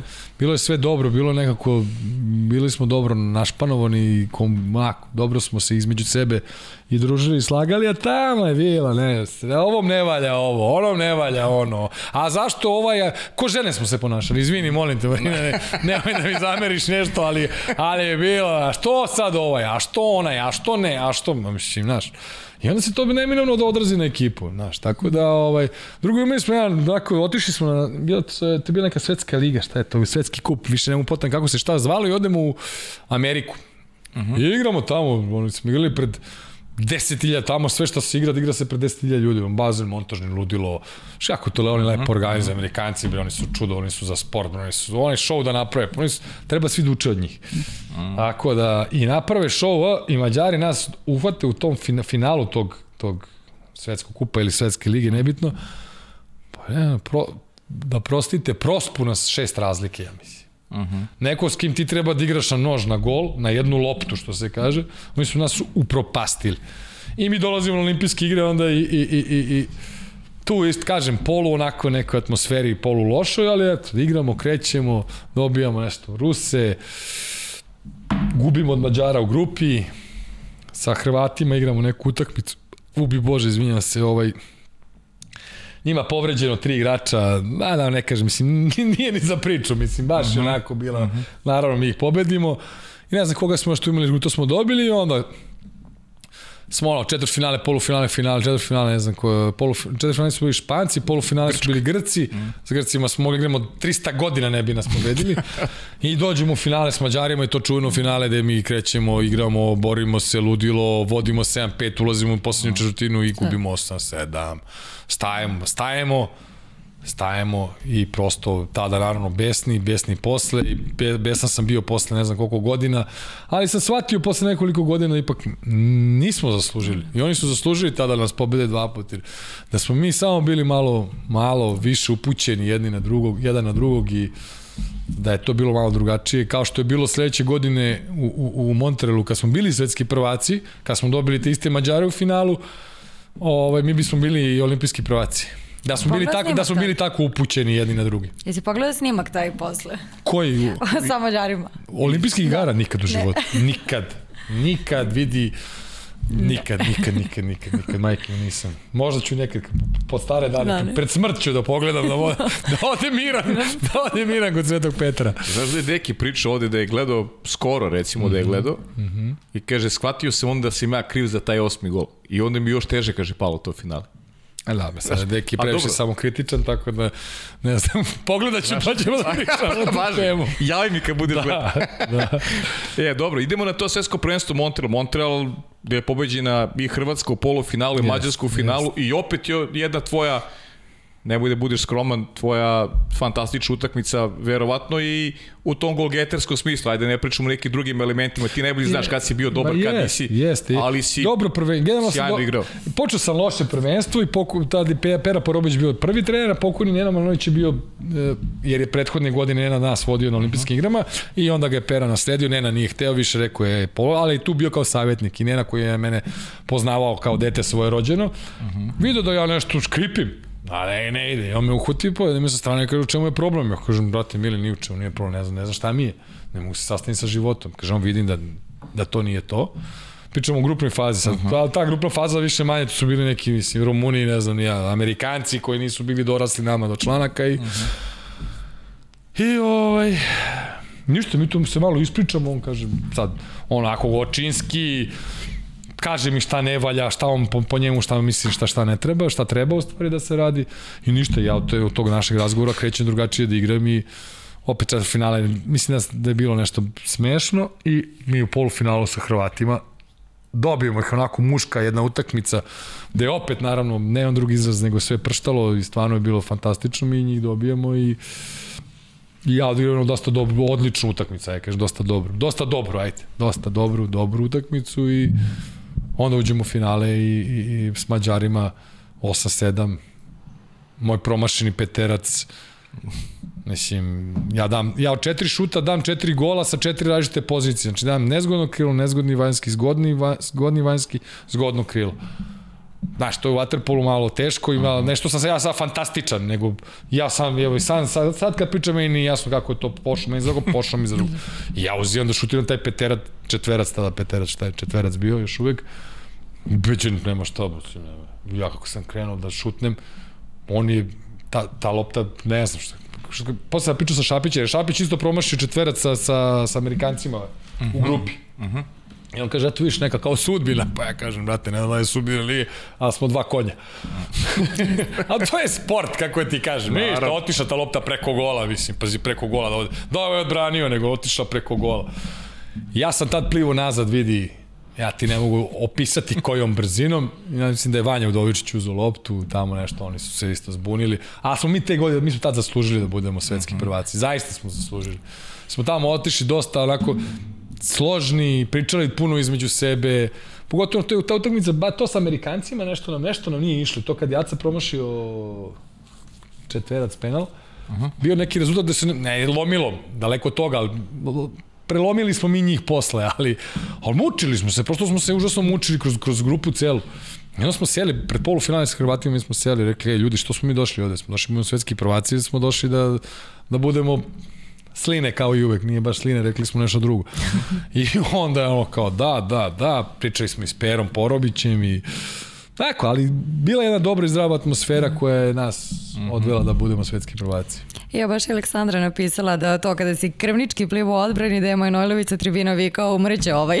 da, da, da, da, to je Nena posle, to je, to je Nena posle, ovaj, došao sam ja celu utakmicu igrao, ja ne znam da sam izašao dva minuta, to je pričamo o poslednjoj utakmici celog prvenstva. Znači, ja sam bio, ima, mislim, ima vratno mislio ću da umrem i što sam promašio, što ću da sa sam sebe da, da, da ubijem i, i sve, ali da, da. E, još jedno pitanje vezano za to, kaže da li je Nena nakon tog uspeha tražio da odvojeno slave igrači i da si to ti sprečio? Da, da, da, da oni su te, tako je, tako da. je, ne, ne teo da, da oni kao ne ne idemo mi svako na svoju stranu na ček posle svega ovoga sad ćeš ti da ideš da, da pa neko ne dolazi već smo mi bili u tom odnosu smo mogli da lego ja sam imao uvek strahopoštovanje prema njemu ceo život uh -huh.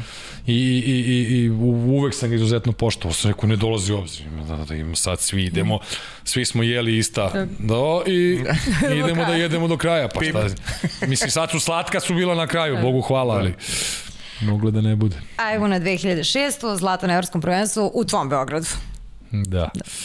Pa, to je ono jedno prvenstvo koje je, da kažem, najslabije prvenstvo od, za moje karijere od svih prvenstava. Baš je onako bilo, svi su promenili generacije, Mađari kao došli tu da nam vrate za u Budimpeštu, ni blizu tih Mađara nisu oni bili što su, što, ali dobro, bili su do, odlični Mađari, daleko od toga, šta više, namučili su nas i jedva smo ih dobili u, u finalu, ali, ali ovaj, ali celo prvenstvo pogledajte Italijane, te Špance, te, te, to, to je bilo, to je tuga, Rusi nisu postojali, tuga, tuga, tuga, ali prosto, to je evropsko prvenstvo, igra se u Beogradu, mom gradu, kako si rekla, gradu većine nas, jer smo malte ne svi odrasli u Beogradu.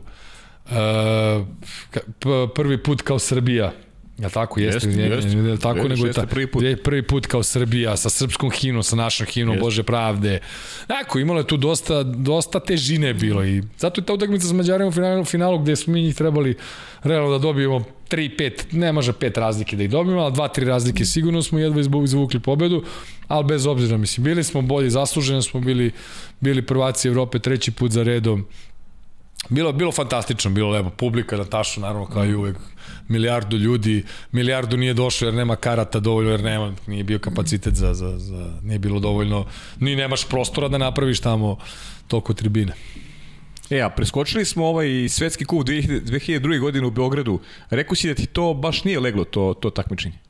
A, pa tačno? Nije, pa nije leglo, zato što, znaš, 2002. godina došla, posle sve, znaš, ti imaš ono neku godinu gde možeš da daneš duša malo, da odmoriš ti tebe, znaš, ti imaš nek, nek, neki svetski kup koji organizuješ po, mislim, ne znam, opet imaš neku obavezu, imaš... Igraš kući. Igraš kod kuće, znaš, imaš teret nad glavom, a ne igra ti se uopšte. Da, mislim, da. Znaš, kako može ti se ne... Pa može ti se ne igra, umoran si, ti dolaziš iz sezona, ko, ko zna koje sezone i klubski reprezentativne, brate, mi imao bila šansa malo se dane duša, mislim, još te da se taj...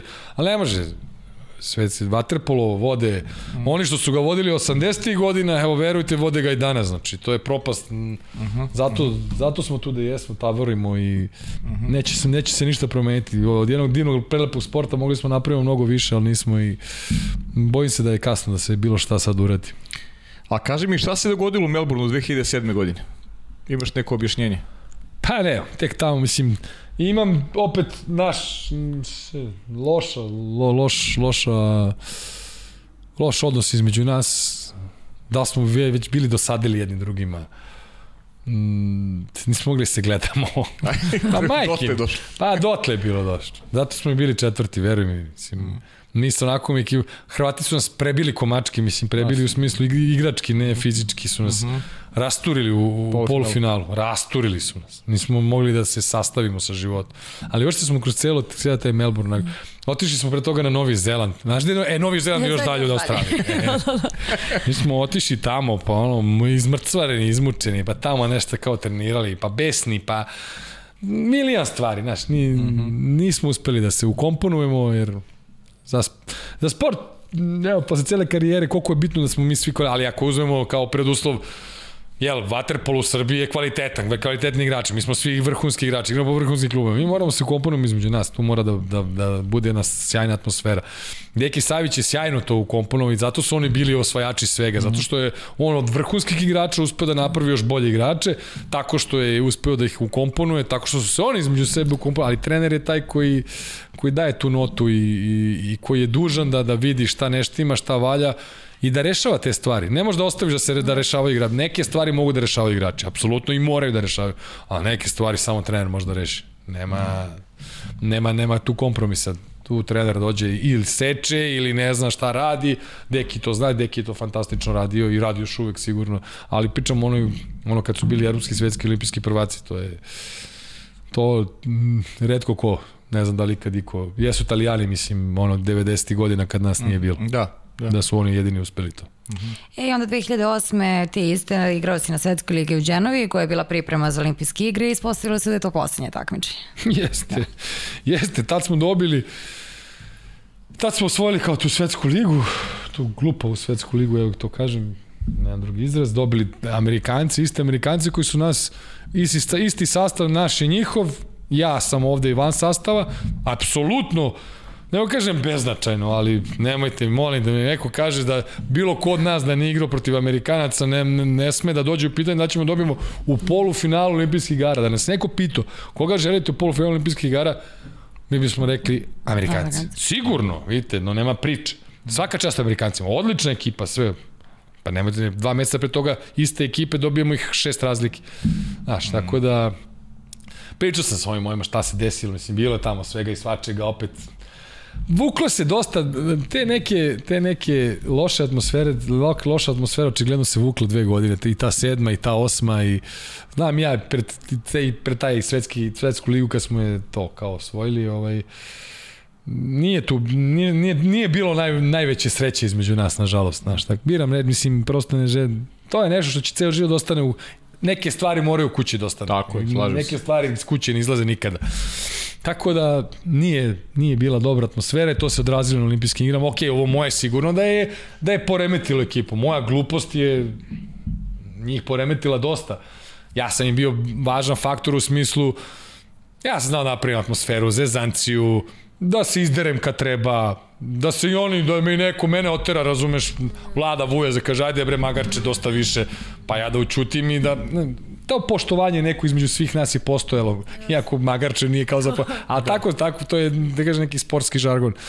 Ovaj, Znaš, igrački isto su znali da u, masi, u, u mnogim trenucima mogu da se oslone na mene, daleko od toga da, da im nisam falio. Kao što bi nam falio bilo ko od igrača da, ne daj Bože, nije mogao da igra, ali, ali prosto ne želim da verujem da za, za Ameriku i mi sam falio. Da, da, da. Samo to. Znaš, ja sam onako, to je prva, to je druga, izvini, pre toga da s kim su bili u četvrtfinalu, ja sam se probudio iz kome. Možda sa Australijom ili ne? Tako nešto, bez Moguće veze je da bilo. Bila neka Australija. Ja sam se probudio tek iz kome, ne, dok sam ja počeo, dok sam ja mogao nešto malo da normalno da funkcionišem. I onda sam gledao tu utakmicu i ono, sam bio slom, ne, to moje stanje je bilo neopisivo, ali nije bitno ono uh -huh. za ovu priču, nego ja gledam i ne verujem da mi gubimo od Amerike. I stanje se pogoršava. Ma majke mi, ja dobijem temperaturu. Je. Od nervoze valjda, pa majke mi, dobijem temperaturu. Uh Ja nekako, šta, čemu se radi ovde? Mi gubimo od Amerike 10-5, kažemo je nestvarno. Tako da, ali dobro, Sport. Sport je to, da. Ne mm. dobija uvijek najbolje, mislim. Da, da, logično. Ima ma, masa, masa utakmica gde, gde Zato je sport i dobar i divan i, i zato ljudi toliko su, da kažem, da je ovo oproste ljudi ne izrazu napaljeni na sport. Zašto? Zato što sportu bre nikad ne znaš, znaš. Sad će dođe neki čukarički pobedit će Partizan ili Zvezdu. Mislim, bez problema. A onda će ovi iz čukaričkog, a da se, jel, svi će kažu, u, pa ovo je ludilo, vidi, viš da možemo. Mm. A to se u sportu redovno dešava. Danilo, mora da te vrati malo na onu, na onu stravičnu nesreću, ali to je najvažnija utakmica koju si igrao u životu i znam da si pričao da si imao i one najgore misli, ali nekom snagom volje, nečeg što si naučio kroz sport, nečeg što si ti kao ličnost, si uspeo sa svim tim da se, da se izboriš. I zato ti vraćam i na taj period jer to je nešto što je i poruka u krajnjem slučaju i nešto što si ti, verujem, naučio za, za onako kroz, kroz život, e, koliko je tanka linija koja onako može da te odvede na, na, na, Pa jest, na tanka, drugu je, stranu. tanka je linija, pogotovo ako je stalno, stalno diraš. Uh -huh. Ja sam stalno dirao tu tanku liniju, znaš, uh -huh. sa svako jakim mojim glupostima. Pričam sada, to je, eto, prošlo je 13 godina, sad Da. će 27. juna će 13 godina od kad je bila nesreća, ali ja unazad sve te godine sam stalno, znaš, uvijek nešto sam se vodio nekako, ma neće to meni da se desi. Ne može, moraš da bi, da, znaš, Bog čuva onog ko se čuva, njega i Bog čuva. Znaš, ako se ne čuvaš, onda, ok, mene Bog sačuvao, Ovo, nisam sad neki vernik, pominjem Bog, nisam neki strašan vernik. Okej. Nisam sad, ne, idem sad da, da, da se, idem u crkvu jednom nedeljno, ne, ne, ne, ali od tad sam počeo malo više da verujem u Boga i da, da me definitivno sačuvao i da mi je pružio drugu priliku. Kažem, ja nisam se čuvao, stalno sam izazivao sudbinu, ne stalno, ali dosta često sam izazivao sudbinu, to ne treba tako raditi. Drugo, sport je nešto što, znaš, sport je dosta uređen, postoje tačno određene stvari kako se ponašaš. Ja sam uvek volao malo da se mangupiram i da, da, da, da pravim gluposti. Zato se to desilo.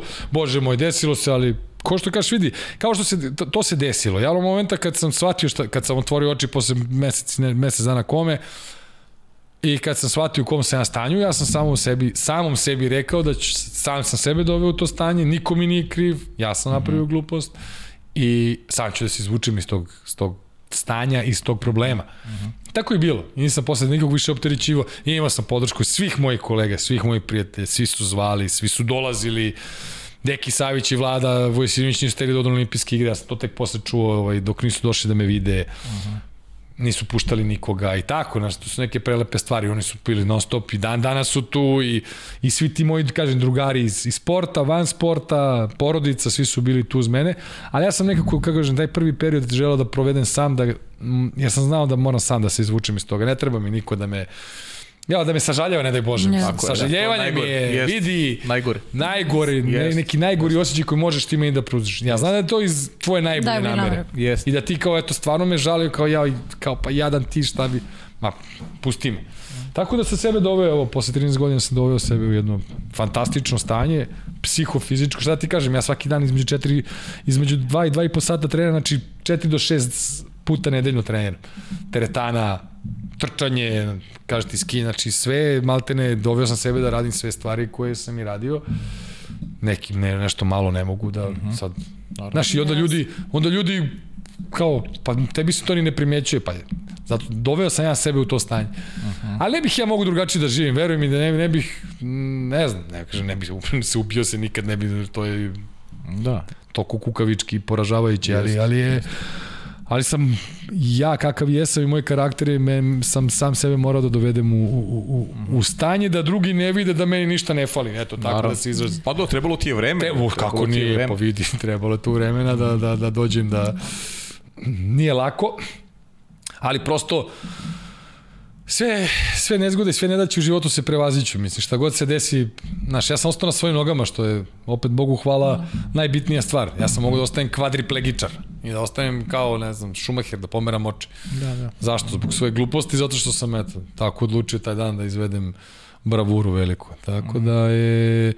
Kažem, hoću da kažem, prosto snagom volje, snagom volje glave, glave, iz glave sve ide, sve ide iz glave. Nas su treneri, nama su treneri govorili sve ide iz glave. Znaš kada kažem, jao, jao, kao da umoran sam, nisi umoran.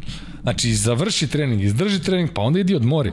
Stvari glave kako ćeš ti da, da, da prebrodiš određene situacije. To se u sportu jako dobro nauči. E, to je ta razlika između vrhunskog, super vrhunskog i onog uh -huh. osrednjeg igrača što ostane odličan klubski igrač. Super, ali nije nikad bio vrhunski igrač. Uh -huh. Zašto? Zato što u tim teškim momentima nije mogao da, da, da prevaziđe umor, nije mogao da prevaziđe bes, nije mogao da prevaziđe Osteo raz, kući radije. razne prepreke. Osteo radije kući. Tako. Nego što je dodatno da, trenirao. tek, tek to, tek to.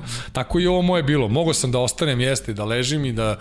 Pa evo, kažem, vidite, šta, šta, šta, jadan ja, nemam ruku, kako ću dalje, šta ću, ne. Rekao sam, e, magarče jedan, sad ideš, sad ideš u pravu borbu i... Uh -huh. Znaš, nije ovo priča za, za, za radio, televiziju, ni za šta ne, ovo je priča, prosto pričam ono iz, iz sebe kako jeste i kako, kako bi prosto savjetovao svakom čoveku koga znam i ne znam, kako treba da se bori bori sa sobom pre svega. Uh -huh. Jer je ceo život jedna borba sa sobom.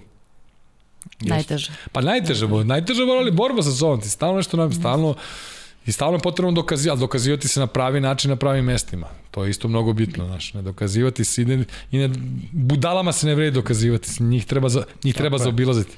Izvinjam se, izazov, ali budala je puno na svetu i, i, mno, i na, nađu nam se vrlo često na putu. Neka znamo da ih za, ono, kad si mlađi ih teže zaobilaziš nego se sukobljavaš s njima, u stvari samo treba širokom luku i, Ćao. i doviđenja prijatno. Jel, previše, previše kliše pitanje je da li si život počeo da gledaš drugim očima i koliko si se promenio?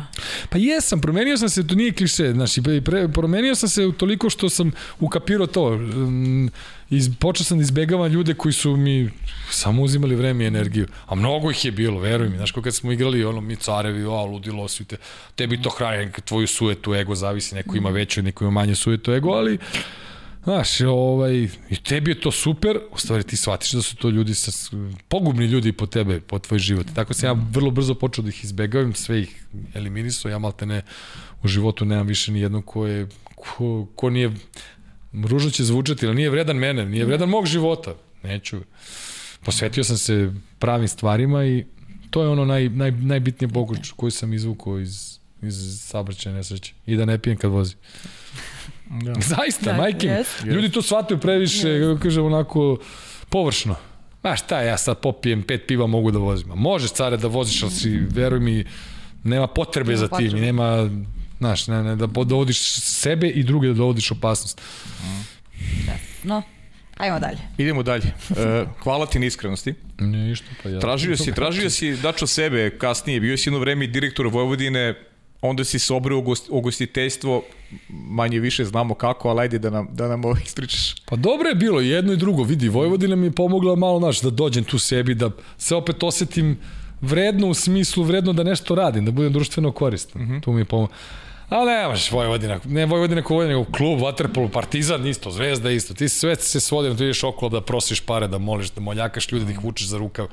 Znaš, nema, nema ovde sistema uređenog kako i finansiranja sporta na pravi način. Drugo, velika nemaština u državi, ne, ništa ne funkcioniše kogo god pokušavaju da nam predstavaju da je sve super, nije super i onda samim tim ljudi, prosto ljudi, nemaš više ko će da uloži u vaterpolo. Vaterpolo nije profitabilan sport, vaterpolo nije popularan sport. Ovo je u košarku i futbol što ulažu, ulažu u neku opet bedu, da nema države Srbije, pa ti i, dr, i Zvezda u košar, sad i košarci futbol i Partizan u košarci futbolu, pa ne bi imali upola ovakvih rezultata, tako da, jer nema, bez para nema muzike. Naravno, naravno. Tako da je to bilo, eto, to je pro... Reci meni. Ne, ne, ja čitam A? pitanje, čitam pitanje tvoje. A ja sam mislio. Izvini. ovaj, I posle sam, ali sam vrlo brzo se prebacio, na, posle godina dana se prebacio na gostiteljstvo, jer gostiteljstvo je bila neka moja davnašna želja. 10 godina sam držao kafanu. Mm. Super je to, fantastično je, išlo je to lepo. A nekako, znaš, izgubiš sebe. Ja sam izgubio sebe u jednom momentu. Znaš, to je bio restoran na radnim danima, onda petak, subota dođe, to je lumperajka, uveče muzika, sve to super. Stvarno, nisam bio, ne znam. Da, ali, ali, ali, ali to, znaš, to je super tebi i njoj, znaš, ovima ljudima koji dođu, da. koji, Jaš, ja se to trebao sve da vodi. Na... Drugo, ja se tu više, mnogo više zezo nego što sam trebao. Neke stvari nisam postavio kako sam trebao opet. Doživeo sam neke stvari grozne od meni najbližih ljudi, uh -huh. da ja nikad ne bih pomislio da će to da se desi. Pričam o ovim što sam sarađivao. Da, da, jasno. Katastrofa. Od najrođenijih sam doživao katastrofalne stvari. Nisam se razočarao, verujem. Mislim da razočaram se u momentu kažem, pa šta, šta, čekaj ti, ako ti me najrođeniji me, me zakolješ. Drugi, da. Šta će drugi da mi uredi? uredi. Šta će drugi da mi uredi? Ali dobro, ništa, će, doviđenja, prijatno. Pa nek si mi iz oka ispopa, ne, neću te više gledati u životu. Tako da, brzo sam to, mislim brzo, brzo sam prevazišao to što se sve izdešavalo, to se de, do, duže desilo pred kraj. Sam ja shvatio da se to dešavalo, mm -hmm. ko zna kako je to trajalo, ni nebitno, neću da razmišljam. Bio je jedan lep period života, 10 godina gde sam naučio razne stvari, sreo puno ljudi, Znaš, kafana je jedno, jedno onako zlatno iskustvo. Ima svega i svačega ima. I muških i ženskih, ludih, dobrih, pijanih, treznih. Sarađuješ sa raznoraznim ljudima, nailaziš na razne i prevare i dobre stvari, ali mnogo više loših stvari ima u tim saradnjama. Mm -hmm. Ali dobro je, super. Opet kaže jedna velika škola i, i, i, i onda sam napravio jednu pauzu od godinu i po dana i bilo mi je mnogo dosadno. Mislim, mm -hmm jedno pola godine bilo super, sve kako ovo nisam ja, ovo nije moj život. Ja sam se tražio nešto kao šta ću, kako ću i I eto. E, ovo Dobro, ja moram ti kažem iz perspektive gosta da si radio fantastičan posao. Hvala, ja to hvala. moram to, ti kažem. Dakle, hvala, to je hvala. I svi mi kažu zaista to. bilo I, svi mi, ka, I meni je bilo mnogo lepo i ovo mi sad kad mi kažeš, sad mnogi ljudi kao, e, znaš kako nam fali tvoja kafana. Ja kažem, da, verujem. Meni možda u nekim momentima zafali, ali mi baš mal, m, Maš i odande takođe. Isto. nikak, nije da mi nešto, znaš, sada ono, kao umiram za kafanom. Ne, da. I umori, ja sam se mnogo umorio od tog posla. To je jedan prezahtevan posao. I onda je zato, ja sam se predavao, kad god sam bio tamo, bio sam mnogo često. Mislim, ja sam vodio sve to i bio. Tamo ovaj, sam o, predavao, da, davao sam sebe 100%, možda sam trebao, a onda ne bi opet ni radilo tako, ne bi bila ta draž, ne bi bila ta atmosfera. Na, na, Verovatno, da. Tak da sam davao nekom drugu, da sam našao nekog drugog malo da me odmeni, da me malo... Ali dobro, nije, nije mi apsolutno krivo, baš mi je, baš kako je trebalo da bude, bilo je. Eto, to je... Super. Je, taman ovo kad si mi pitao, reci Marijana, pitanje je bilo šta je napornije, kafana ili bavljanje vaterpolom ili ti je to bilo suđeno da se baviš ugostiteljstvom, pošto su ti jedan i drugi deda imali kafane? Jeste, jeste. Jedan i drugi deo su bile kafane. Držali to dosta, koliko sam ja čuo od mojih roditelja, uspešno. Ovaj, pogotovo Ćale, to Ćale, to, to, kaže da je u džakovima nosio pare. Ja kažem, Ćale, pa gde su pare? Pa nema. gde su već otišle? pa on je džakovi? zaradio. Šta, ko, znaš, šta čovek pametan. Da, no, on, on iskoči, a to vidiš, sebi on pametan, on je budal. No, no, nema veze. Tako da, ovo bilo je, ba šta je, ne možeš da porediš totalno dva različita posla, dva različita sveta, dva različiti ljudi, znaš, kad... U sportu je sve jasno, precizno definisano, ti tačno znaš s kim svaki dan sarađuješ, ne može da ti dođe u slačionicu nekog koga ne poznaješ, ne postoji. I onda ti je sve automatski mnogo lakše, fizički, ne može se porediti jer fizički vaterpolo je pretežak sport i prezahtevan. A kafana opet s druge strane ti dolazi A svaki... može ona fizički da bude teška? Može, može, ali ne, ne kao vaterpolo ni blizu. Jer, da, da. Kad, god mi, kad god mi je teško ja sednem, a ovde kad mi je teško ne mogu ni da sednem ni da stanem, ne mogu ništa, na, moram makar da se držam na površini vode. Tako da je to, tu je mnogo zeznutije, ali, ali ovaj kafana s druge strane, kažem ti, dolazi svaki put dođe neko drugi. Uvek te nađe, znaš, nađe ti onaj ko hoćeš i ko, ko nećeš u kafani, to je zahtevno, naporno, na, ljud, sarađivati sa ljudi, sa puno ljudi je, e, biti, da kažem, osuđena na, na kontakt s puno ljudi je mnogo, mnogo naporno, prezahtevno, iscrpljujuće, Znaš, Tu ne možeš da biraš ljude baš. Ma ne, možeš ti ništa da biraš u kafani, ti ništa ne biraš. Veruj mi, ništa. Di, biraš da će ti dolaze mafijaši, kriminalci, prostitutke i ne znam ko, ili će da ti dolaze i norm, normalni ljudi. U, u tvom stavu i ponašanju prema istima, veruj mi. Tu negde biraš, koliko god to zvučalo. Znaš, kad ti dođu, kako kome, kome, obrat, kome daješ na značaju. Eh, ako dajem normalnim ljudima na značaju, bit će, dolazit će normalni ljudi kao što su kod mene dolaze normalni ljudi, ako počneš da daješ na značaju onim, ne kriminalcima, kriminalci, kamo sreće ti dođu kriminalci, kriminalci su gospoda, kad dođe pravi kriminalac, on je gospodin, ali to je zaista.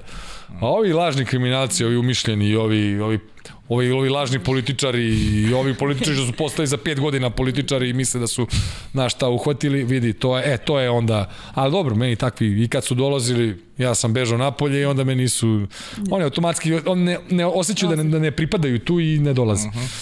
E, a izjavio si da stalno moraš da radiš i kad staneš tri dana da odmoriš, ne znaš šta će sa sobom. Da. Šta je sada? Pa ništa sam, pa teo, teo sam da se, teo sam da umrem. I ona korona, to kad je bilo, mislim, veruj mi, bilo je... Oj. težak period, težak psihički period.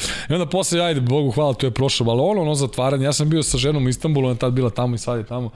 Mi smo pet nedelja bili zajedno, mislim, ja sam posle njoj rekao, vidi, hvala ti puno, ja tebe najviše volim, ti si najbolja žena na svetu, ali ajde se ne viđamo jedno mesec dana. Majke mi rođeni, ako to tebi želim i sebi želim, ne, ništa sada sad, znaš, kao ti, super, a pet nedelja, svaki dan, sa nekim, pritom nemamo tamo, nemaš ti, ja sad, ajmo, ej, ajmo dođi na kafu, idemo na kafu, ne, nema, ćao. Bilo mnogo teško. Bez svađe, bez ičega, jedna teška reč nije pala, sve super, ali smo, ja sam to podno onako, izdržao sam, ali lakše mi bila bolnica, mislim, lažem, nije mi bila lakša bolnica, ali mrtva trka. Mrtva trka majke mi rođene.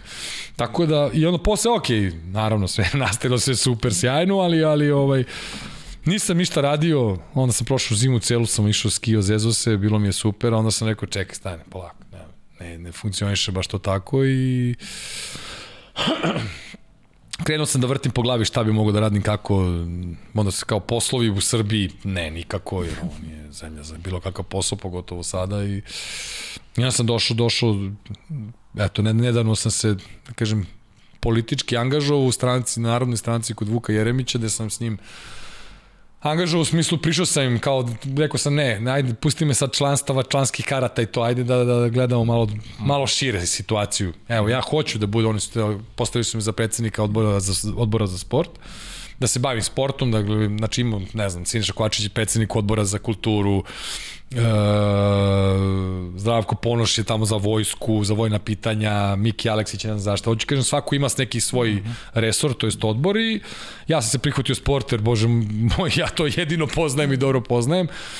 Nekako sam kako kažem, video celu ovu situaciju ne baš lepo, povoljnu i za mene neizdrživu. Dugo sam se lomio kao, znaš kad ljudi počnu kao, zašto će politi, po sportisti u politici? A zašto će svi glupaci u politici? Zašto će 90% glupaka u politici? Ajde nek mi da odgovore prvo oni. Ja kao sportista ulazim sa čistim mislima. Ja sam ušao da se bavim sportom.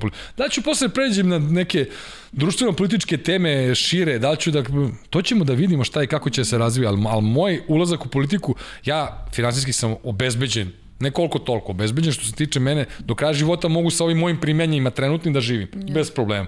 A oni su, njih je 90% ušlo u politiku da bi zaradilo od politike. E, zato ja treba da uđem u politiku, a ti ne treba da uđeš u politiku. To je ta razlika.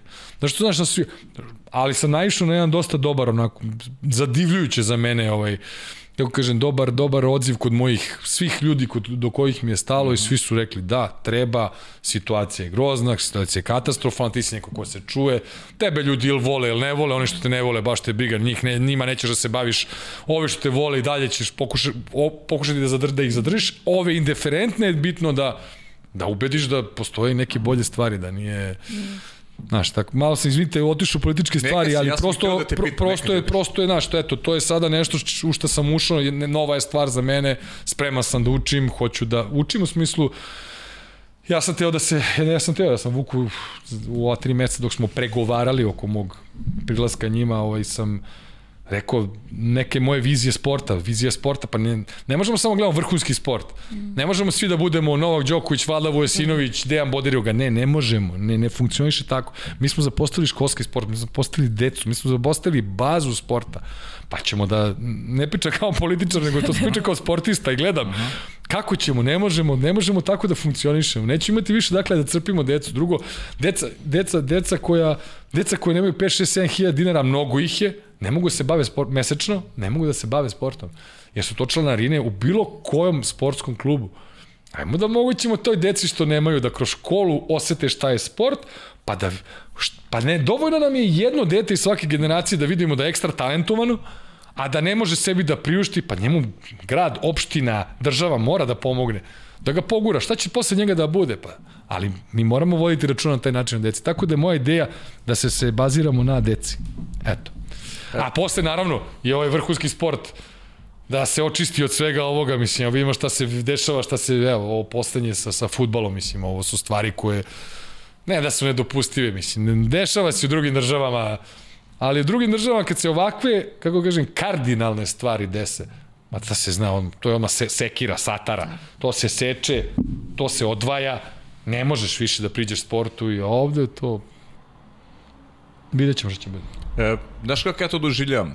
Kao odgovornost, upravo ono što si rekao na početku. Tome se radi.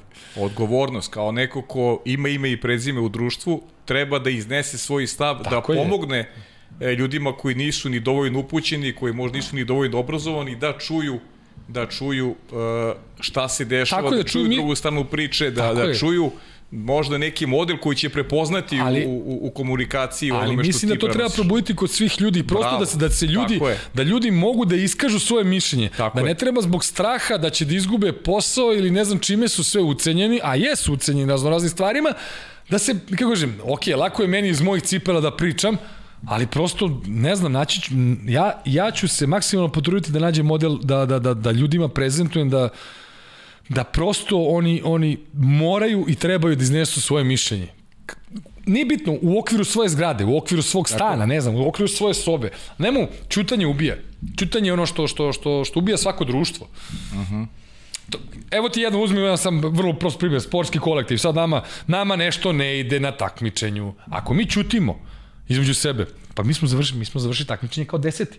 Ako sedemo i porazgovaramo i svako kaže svoje mišljenje i posvađamo se, i, ali konstruktivno, jedan, jedan konstruktivan razgovor može da dovede do toga da ćemo isto da budemo prvaci. Tako i ovo, mislim, vrlo prosto samo na mnogo, mnogo većem većem broju ljudi. Uh -huh. E, rekao si čutanje ubija. Da mi čujemo jedno pitanje. Jedno pitanje, bravo, jedno pitanje gledalaca, ubiće nas gledalci. Ajde. Pozdrav svima u studiju, posebno Marini. Danilo, za tebe pitanje. Da li si nekad nekom u životu nešto prećutao? Ćao.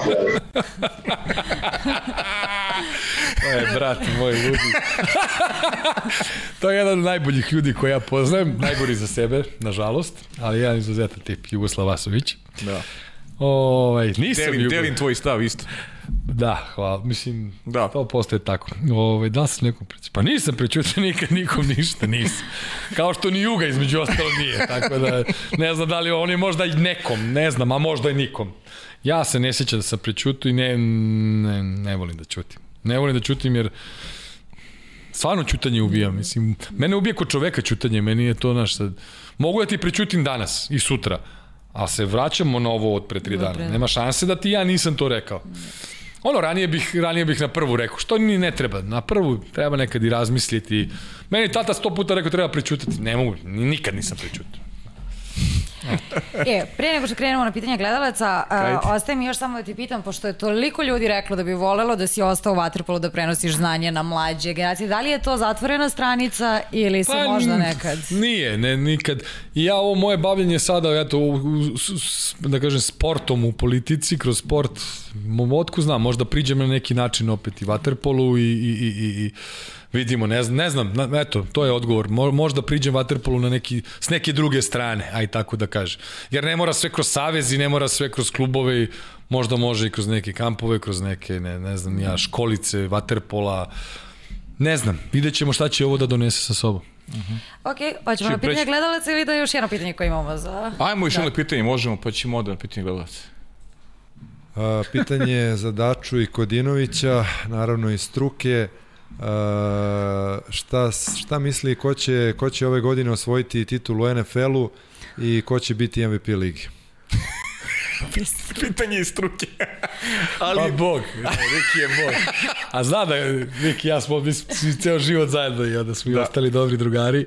Mislim da Majković je bio moj jedan sjajan saigrač i ostali smo super, eto, Rista yes. drži kafanu, posle smo bili i, i kolege po, po, po drugom poslu, tako da... Ovaj... Ali staro je pitanje, vidiš i sam, staro je pitanje. Staro je pitanje, sve, jasno da. mi da je staro pitanje, ali nije mi bilo na kraj pameti da će ovaj, Tampa Bay Buccaneers uh mhm. -huh. da, da, da osvoje titulu. Uh mhm. -huh. Znaš, ono, bili smo svi ovo, kad Brady je, malo pre sam ti rekao, Brady je za mene, ne možda, oni Jordan, dvojica najboljih sportista ikada na planeti. Pošto su se bavili takvim sportima, su bavili Pogotovo Brady, ovo je pre, ludački sport za mene, ja ga obožavam, ja 20 godina vedam NFL i to mi je sport broj 1 sigurno, ali znaš, on otišao iz Patrioca kao, da će, šta će biti s njim, da će, kao kako će, ali to je to, je to zato je on šampion, zato je to, to je Michael Jordan, ode pa se vrati, pa opet bude prvak, ovaj, ovaj ode u drugu ekipu i kao, ma nema ništa, drugo ode u ekipu koja nije ni blizu onih ekipa što ima u, u, u Patriotsima kad je osvajao. Tako da, a ko je bio MVP, MVP lige, da. MVP lige, ko je bio ove godine? Ja, ja, ja, ja, ja, ja, ja. Prošle godine je bio Patrick Mahomes, a ove godine, ne znam, eto. Izgooglit ćemo. Ba, izgooglit ćemo. Naći ćemo. E, ajmo na pitanje gledalaca, toliko smo dobili. E, a već smo, već smo... Ajde, ajde, ajde. Ajde, ajde, ajde, ajde, se. Ajde, ajde, ajde prvo, stvari, ne od gledala, mislim od gledalaca, ali od Nikole Rađana. Uh, dok ste igrali zajedno reprezentacija ili klub, ispričaj neku anegdotu matori. matori. Ali nije, vidi, to... Vidi, znaš kako, to, ovo sad kad sve naše anegdote, i ono što pamtim, znaš kad mi sednemo i kad jedan počne, onda se mi nadovezujemo. Sad kad mi kaže, aj ispriča anegdote. Da. Nema blage veze, znaš, ali tu je bilo svega i svačega i s Nikolom sam, Nikola je jedan predobar čovek i, i, i žao mi što su mu se neke stvari glupe izdešavale. Yes Mm, Na, na, za neke sam kriv, mislim, za sve smo mi sami krivi, ali na neke možda nije mogu da utiče, ali dobro. Nikola je jedan divan, divan, divan čovjek i mnogo smo se lepo družili kroz reprezentaciju, kroz Partizan te godine, kad sam se ja vratio iz Italije, pa to je, to je ludilo bilo, mislim, to je... Svašta smo radili. E, imaju od njega još jedno pitanje da objasniš titulu najboljeg ugostitelja među sportistima. pa ne, to je, to je ovaj, kako se zove, vo, ne znam, ljudi su voljeli da dolaze tamo u moju kafanu, bilo im je lepo, dobro smo se zezali, zdravo smo se zezali, to je najbitnije. Eto, pozdravimo Nikola Rađana. Ajmo, Bajo Poz- Brzinski. Ajmo, Brzinski, idemo ovako. Aron 011, šta misliš o Mađarima? Pa verovatno najbolji vaterpolisti ikada, mislim, ne znam, ikada. Ja pričam iz one moje generacije, to. Uh -huh. Oni su bili tri put za redom olimpijski prvaci, sad ne znam, ne znam, sad googlamo druge sportove, da, ko, pričamo o kolektivnom sportu, nisam siguran da ima da ima da ima takvih ekipa. Uh -huh. I da su toliko dugo trajali, to ti je znači koliko to ti je 8 8 godina, ako uzmeš 2000 na 2008, to je 8 godina su trajali, između toga su bili svetski i evropski prvaci, tako da fantastične, fantastični uh -huh. vaterpolisti.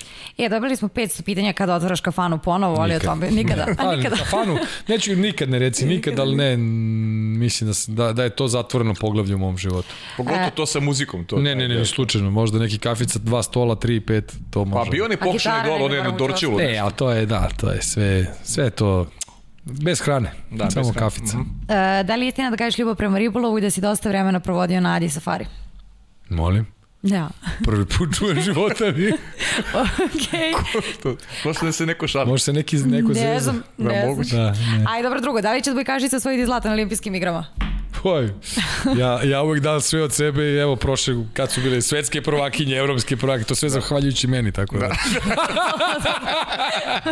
Mislim, šalu na stranu, ajde, ne znam, nadam se da hoće. Imaju, imaju kvalitet, ali sad ćemo da vidimo. To i kod njih, da će da se slože kako će, šta, ko će s kim. I...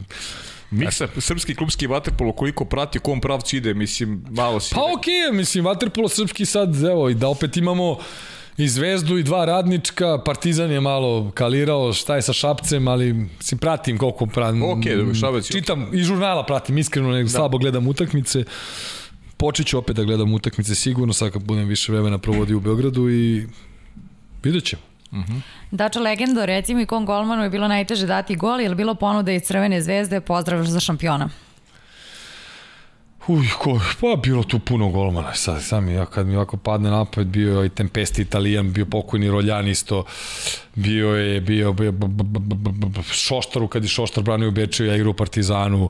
Bilo tu puno golmana. Denis u Šefiku, mislim, Denis kad nekad stane, ne, ne, nema rupe na golu, tako da... Bilo je ponuda iz Zvezde kad sam baš bio klinac, ono, 92 treće kad sam počeo da igram za Partizan, onda su me nešto zvali, treba tad su, tad Partizan, ne znam, lupio obeštećenje 51 maraka za 16-godišnje detece, ne? i ti onda naravno ne možeš nigde da ideš. A, a on ti daje 200 maraka mesečno. Ali dobro, stara srpska priča. E, Goran, nema pitanje. Hvala za tweetove, jedini od redkih odgovornih javnih ličnosti koji ukazuju na probleme u društvu. Eto, to je A, apropo hvala, ja se trudim pričali. tako, to je već godinama tako, mislim, Da. da. 10 godina bez malo unazad. Hvala. E, Pera, da pojasni sistem u Vatrpolu i ulogu Orlića i Stamenića. Pa, možeš neki... Pa oni su, Orlić je, Orlić je postavio temelje vaterpola jugoslovenskog i posle su od, od tog Orlića su posle uzimali svi drugi.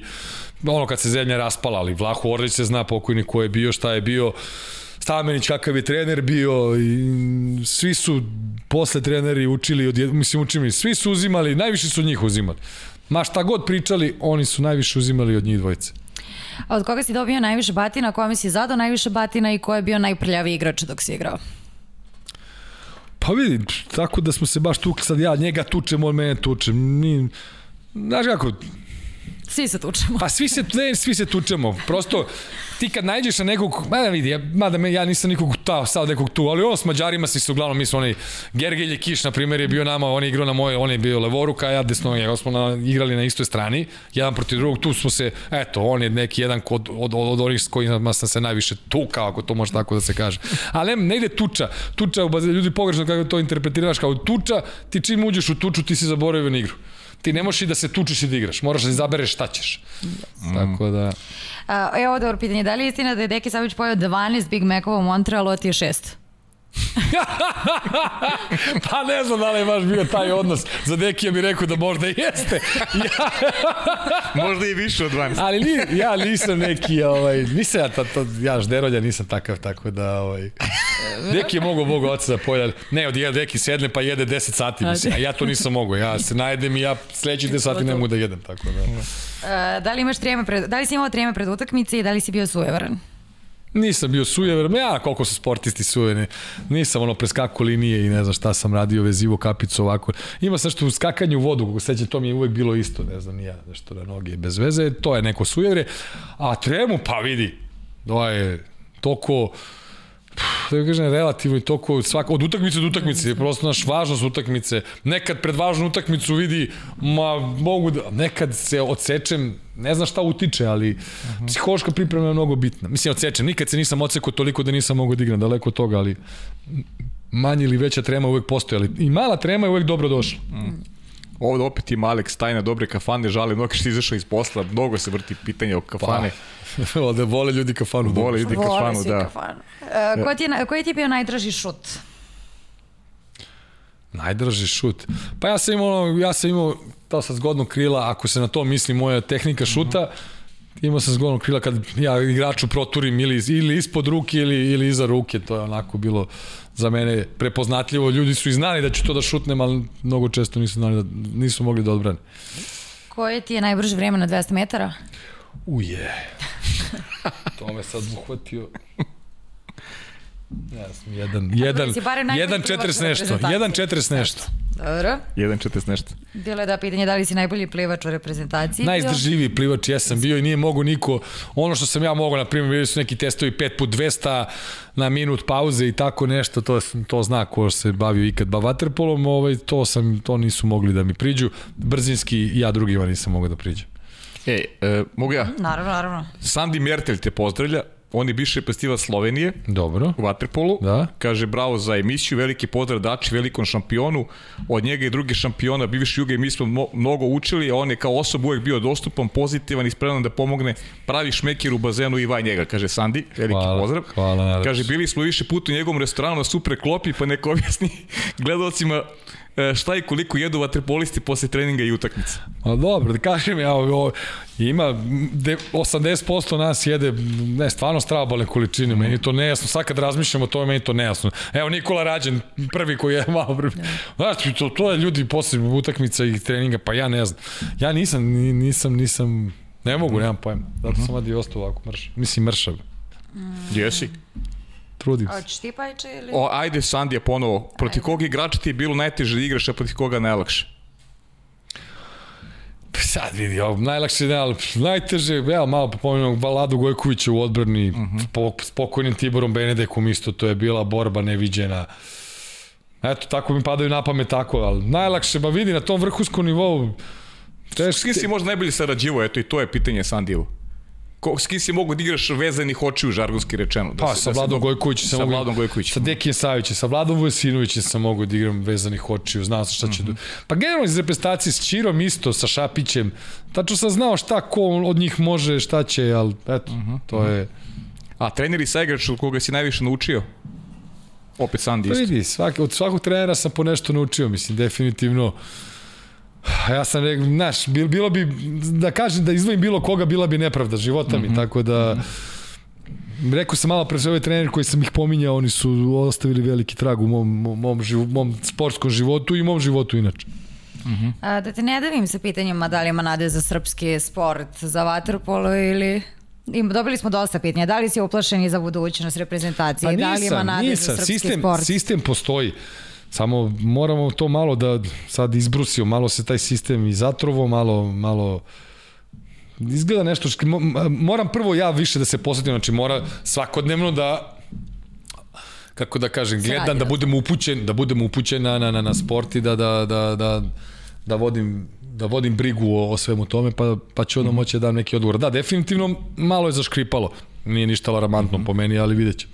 Miša Mislim, iz... Samo još da kažem da smo dobili, evo, pozdrav veliki iz Rijeke, da smo dobili iz Hrvatske, iz Slovenije, iz Crne Gore, iz to su naš, Bosne. to su na ja uvek kažem to su moja braća, ali ne, znaš ljudi pa kao šta brat, to su ali to su ja sam ja sam odrastao u SFRJ, ja sam Ja, ja prosto njih gledam. Ja, na primjer, idem 15, 6, 6, 17 godina idem u Dubrovnik svake godine. Ja, znate kako mene primaju u Dubrovniku? Pa mene gledaju u Dubrovniku, pazite u Dubrovniku, u jednom gradu koji je Yes. pretrpeo šta je pretrpeo i nije baš da smo omiljeni dole.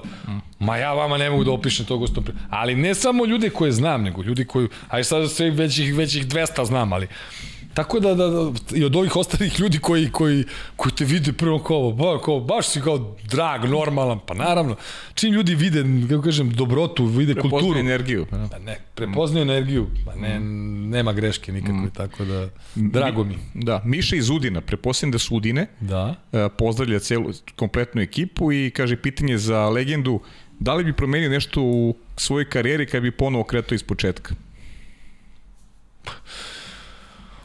Puh, pa to, evo, ono, ono, ne bi nešto mnogo menio, ne bi, rekao sam ti, ne bi onaj moment kad sam se izrekao vraćao za Partizan, nije bio taj moment uopšte za vraćanje u Partizan. Vraćanje u Partizan je možda trebalo da bude kad se i Vlada Vojasinović vratio u Partizan, mogu sam ja da se vratim, eto, na primjer, da smo ostali zajedno u reku, vratili se u Partizan, to bi imalo smisla, eto, to bi možda jedino promenio, ostalo, Aha, izvini. da. A, koji proslav vaterpolista u svojoj kafani najbolje pamtiš i koju pesmu naručuješ? Pa ne znam, nisu vaterpolisti mnogo dolazili da, da proslavljaju u kafani. I meni je to bilo i olakšavajuća okolnost, veruj mi. Znaš, kad dođu moji, pa da ja moram tu da, da, da, da, da, da, da smirujem, da, da, da cinculiram, da... Bolje ovako, oni su uvek odlazili negde drugo, a posle bi došli na drugi, treći dan. Onako After. mala ekipa, ali odabrana i onda bi to bilo pravo, onako kako treba. A kaj pesme koje naručuje, ne, ne znam, toliko, mi, toliko dugo nisam bio u kafani da nemam pojma. E, ćeš ti pa... ja- Hoću, hoću. Aleksandar Pantić takođe bivši vaterpolista koji je sada u Americi. A, može nam opisati kako je bilo igrati protiv Manuela Estiartea i zašto tog čoveka niko od prethodnih dva gostiju koji su ovde bili nije spomenuo u kontekstu najboljeg vaterpoliste svih vremena. Pa jedan od sigurno najboljih vaterpolista su nismo pričali o tome, nismo imali, nismo se dotakli toga ko je po mom mišljenju ima tu puno igrača. Zaista naš ne može, ali Manuel, Manuel Estijarte je bio španac čuveni koji je imao šest olimpijskih igara u kolektivnim sportima. Mislim da nijedan sportista nije toliko puta bio olimpijskim igrama, ali nije to suština, nego što on imao uspeha.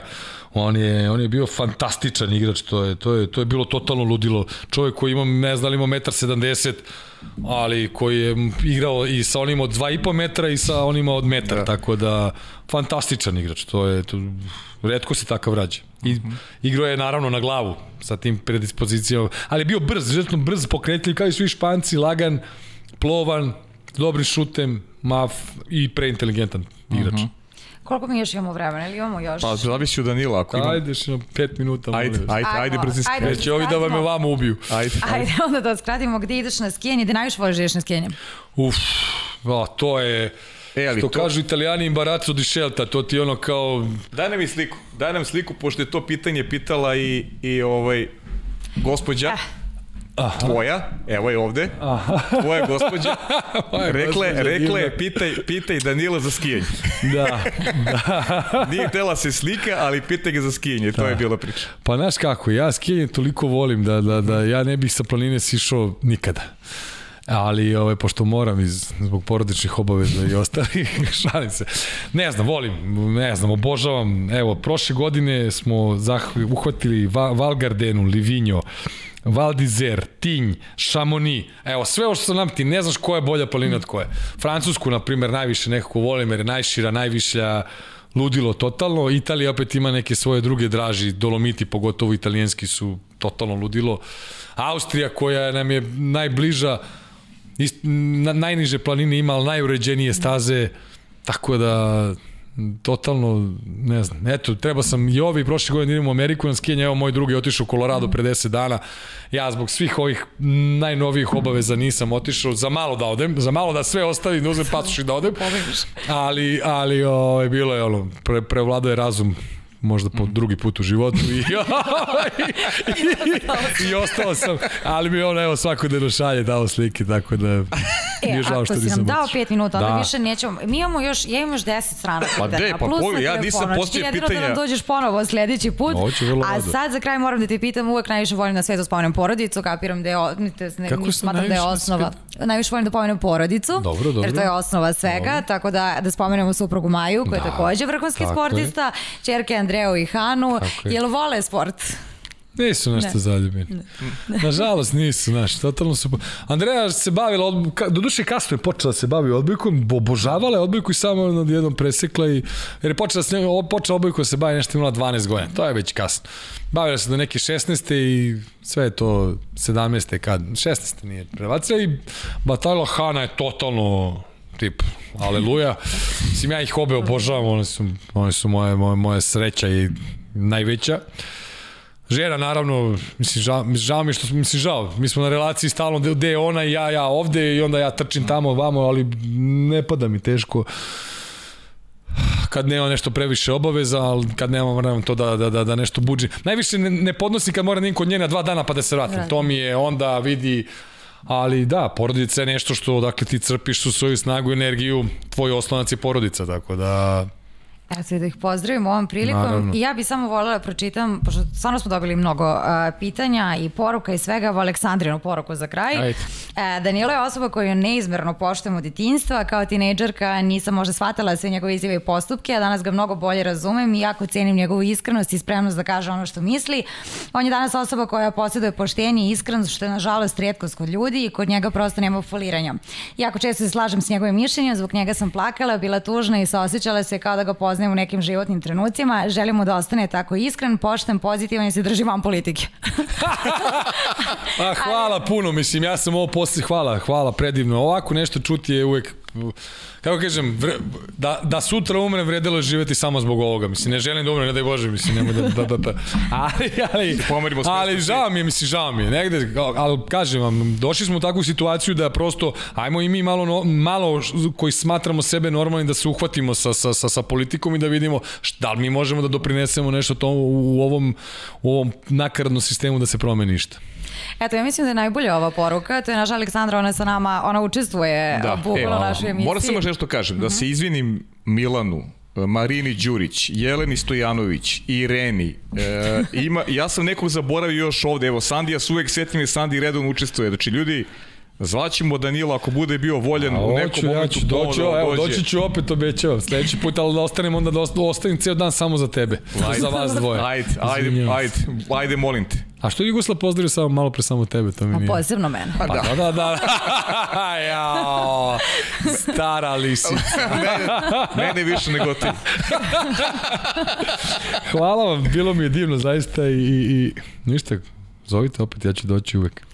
Hoćemo sigurno. Uživali smo. Dugujemo gledalcima. Hvala, ti puno na ovom iskrenom hvala, razgovoru. I hvala gledalcima, to je slušalcima, svim ljudima koji i oni što misle dobro i što ne misle dobro, ne znam, tu smo, samo, bud, samo da budemo dobri ljudi. I lepše s kulturom, ta naj...